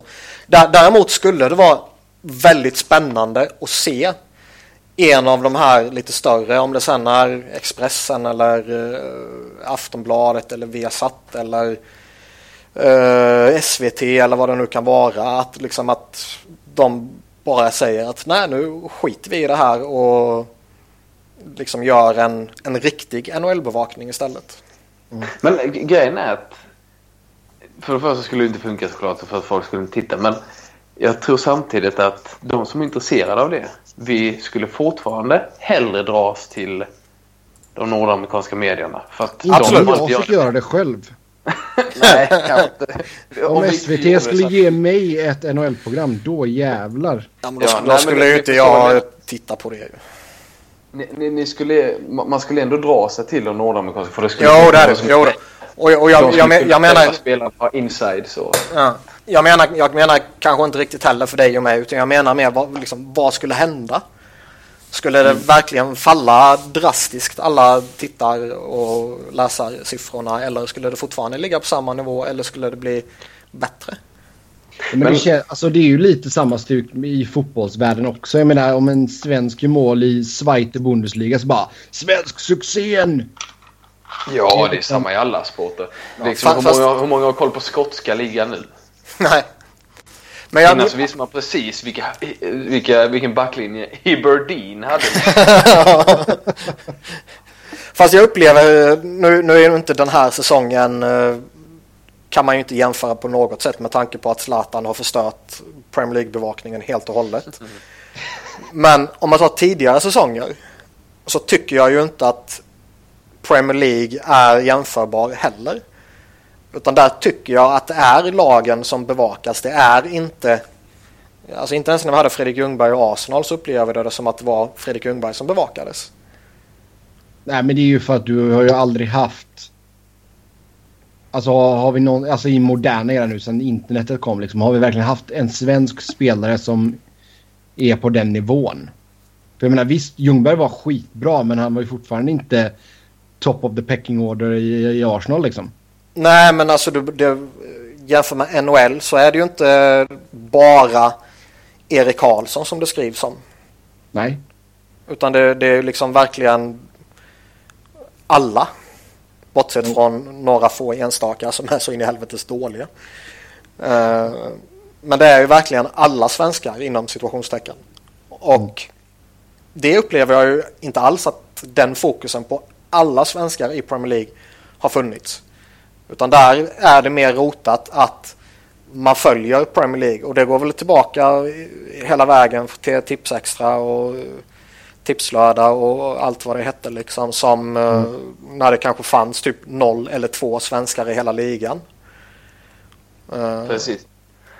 Men, men jag tror, är det inte fortfarande lite så att att svensk media fortfarande lär svenska folket om NHL? Är det inte lite på den nivån? Det är därför det är så mycket. Jo, alltså... jo. och de lär ju ut fel saker. Ja, jo det, det. Men samtidigt om man ska vara lite, lite positiv. Så, eh, för en omväxling. Eh, så, men men eh, jag tycker ändå om man jämför bara med de senaste låt säga 7-8 åren. Ja men typ sen jag började på Svenska fans. Det känns ändå som svensk media har blivit bättre. Alltså det är inte... Man kan skriva om annat också. Det kan vara för att det finns fler kanaler och det finns Jo. Eh, sådär, men, men det känns ändå på något sätt Fram, som framför, Framförallt kan man ju göra det i liksom den här eran med internet. Mm. Ja. Skulle, du, skulle du bara ha en papperstidning så tror jag inte det skulle ske. Nej. Utan det, nej, det, det, det, är nog eh, internet som ligger bakom det. Sen, ja, det sen, sen håller jag med dig om det. Jo men sen är det väl alltså det, alltså det kan ju funka som inkörsport också liksom. Alltså det är någon som är lite halvintresserad och kollar hur det går för svenskarna och sådär. Kanske är någon som har spelat för ett SHL-lag man gillar. Och sen så trillar man in och sen så blir man hooked liksom. Och så blir det att man vidgar sina vyer lite. Mm. Jo, ja, om, om man nu vidgar vyerna. Så vi får se det som en gateway drug helt enkelt. Sen blir man Men ju man fortfarande... man blir fortfarande trött på de hockeyjournalisterna som inte följer ligan som ändå ska uttrycka åsikter om ligan. Ja, ja. Men det... Och, och, gör, och gör det då till gemene man och gemene namn tar det här på allvar. Och, ja. Mm. Men om man säger så här, det här med att, att det är svensk, fokus på svenskarna i NHL. Det är, alltså, kolla kanadensiska medier, de är likadana. De fokuserar på Toronto och Edmonton. Ja, ja, ja, herregud. Alltså, så att det, det, de enda som kanske inte är sådana det är för att det är USA men det är för att det inte är så många som bryr sig där. trots att de flesta lagen ligger där. Nej men så är det ju. Så att Ja. det är ju hemmafokus oavsett var man vänder sig. Bara att när man är i Sverige så är man rätt trött på Sverige. Så att när man kikar på nordamerikansk media då så kanske det upplevs som att de inte har samma sorts fokus när de egentligen har det.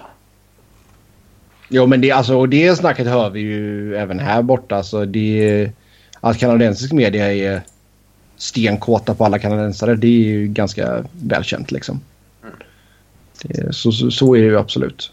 Um, mm. Hampus Lindholm då? Alltså jag tycker han är en topp 10-back i ligan. Alltså den här säsongen har inte varit det. Jag tycker han gör eh, Eh, för få eh. poäng. Förlåt. Ja, nej, jag tycker om det ändå. Jag är trött nu. Men jag, jag, jag tycker liksom, ska man spika in honom under topp 10, då ska han göra, göra fler poäng. Ja men det är det jag också har lite, lite problem med. Med alla som trycker in honom så.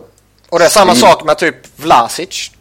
Som jag tycker Ja. är en jätteduktig back. På väldigt många sätt. Och eh, som förtjänar jättemycket beröm. Men jag tycker också att han ska göra mer poäng. Eller alltså det- o, o, om han ska placeras in där. Ja, okej. Sen behöver han inte göra mer poäng för att vara en bra back. Det är inte det jag menar. Ja.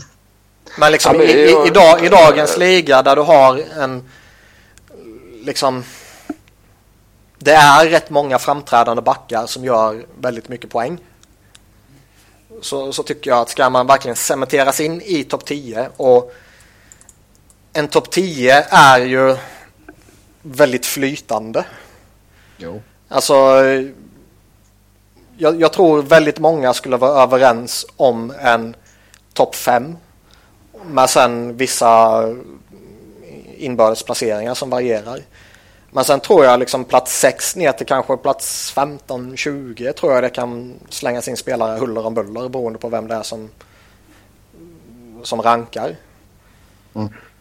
Eh, Så ena dagen kan du vara sjua för att två veckor senare så är du tolva. Och så vidare. Ja, men och, och liksom ska, ska man då cementera in någon i topp 10 då ska du vara en väldigt bra producerande back. Anser jag. Ja, jag håller med dig. Mm, ja, ja. Som sagt, jag vill nog gå in honom på en tionde plats i alla fall. Men jag köper ditt argument. Men du är också Sen- känd för att ha fel. Sen eh, tycker jag väl att de defensiva egenskaperna inte prioriteras lika högt längre. Så det är kanske bara jag som är lite old school.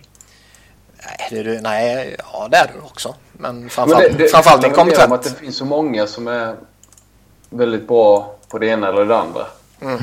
Därför krävs nästan kombinationen av både och.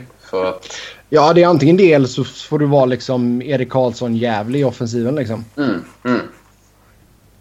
Sen är inte han, alltså, han är inte klappkass i defensiven. Ja, Men- stundtals. Men alltså det- den är inte i närheten av vad han, hur bra han är liksom när han har puck och går framåt liksom. Ehm, Alltså en grej, som, en grej som är intressant med Karlsson, tycker jag i alla fall. Eh, i, just hans defensiva brister då. Utan puck till exempel. Det är att det känns som att de grejerna han är sämre på. De skulle han lätt kunna fixa. Det är inte så att han... Visst kan bara vara bara, men han har inte spelsinnet i egen zon. Det är inte det det handlar om. Men det kan handla om att han vänder sig åt fel håll vilket ger motståndaren läge att skjuta. Och det är sådana grejer som skulle vara rätt lätta att justera utan att på något sätt tumma på offensiven. Mm. Menar, det är klart skulle han bara, okej men han, han ska inte röra sig ovanför rörlinjen. Ja då kommer han släppa in mindre mål såklart för är man mindre riskbenägen så kommer även göra jättemycket mindre mål.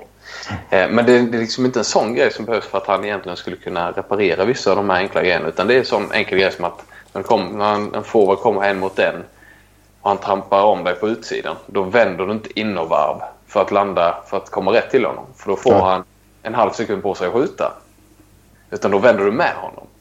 Och det är sådana smågrejer som inte alls hade egentligen påverkat resten av hans spel. Som kan bli bättre och på så sätt göra honom en mer allround back. Och det det jag tycker är lite konstigt att sådana grejer fortfarande hänger kvar liksom. Mm, det är underbetyg till tränarna. Ja, eller om det är bara att han inte vill. Men, men eller så helt enkelt så fortsätter han utveckla andra grejer och det, det är kanske mer effektivt. Men det känns som att det, det finns, det, finns det, det, det är liksom inte så att, att man känner att för att han ska bli bättre defensivt så måste han tumma på sin offensiv. Vilket det i andra fall hade kanske kunnat behövt vara, men inte just i hans fall. Utan det finns mm. liksom detaljer i spelet som man skulle kunna justera. Eller så, jag, jag håller med dig att liksom det, det, det skulle kunna vara så. Liksom. Men det kan också vara det att man vågar inte mixtra med någonting som funkar väldigt bra. Ja, så, så kan det vara. Men det, det, känns som att det är sådana detaljer som, som liksom inte skulle påverka resten av spelet. Nej, det håller jag med, det håller jag med om. Och, det, och det, är lite det som nästan kan irritera mig. Bara, ja, bara, bara fixa det. Bara vänd åt rätt håll. Det är liksom basic. Mm. Med de orden så säger vi tack och hej för den här gången. Eh, som vanligt ska ni köta hockey med oss via Twitter. Mig hittar ni på @sebnoren, Niklas på att Niklas Wiberg, Niklas med C och enkel V. Och Simon hittar ni på Simpa understreck Stromberg. Yes, yes. Thanks så, eh, for tack, having me. Ja, tack så mycket för att du kom och var med oss här idag Simon. Uh, Niklas, skönt att ha dig tillbaka. Tack. Uh, skicka Robin en tanke i snökaoset till Stockholm. Så Nej, jag skrattar åt honom. Tills nästa gång, ha det gött. Hej. Hej, hej, hej.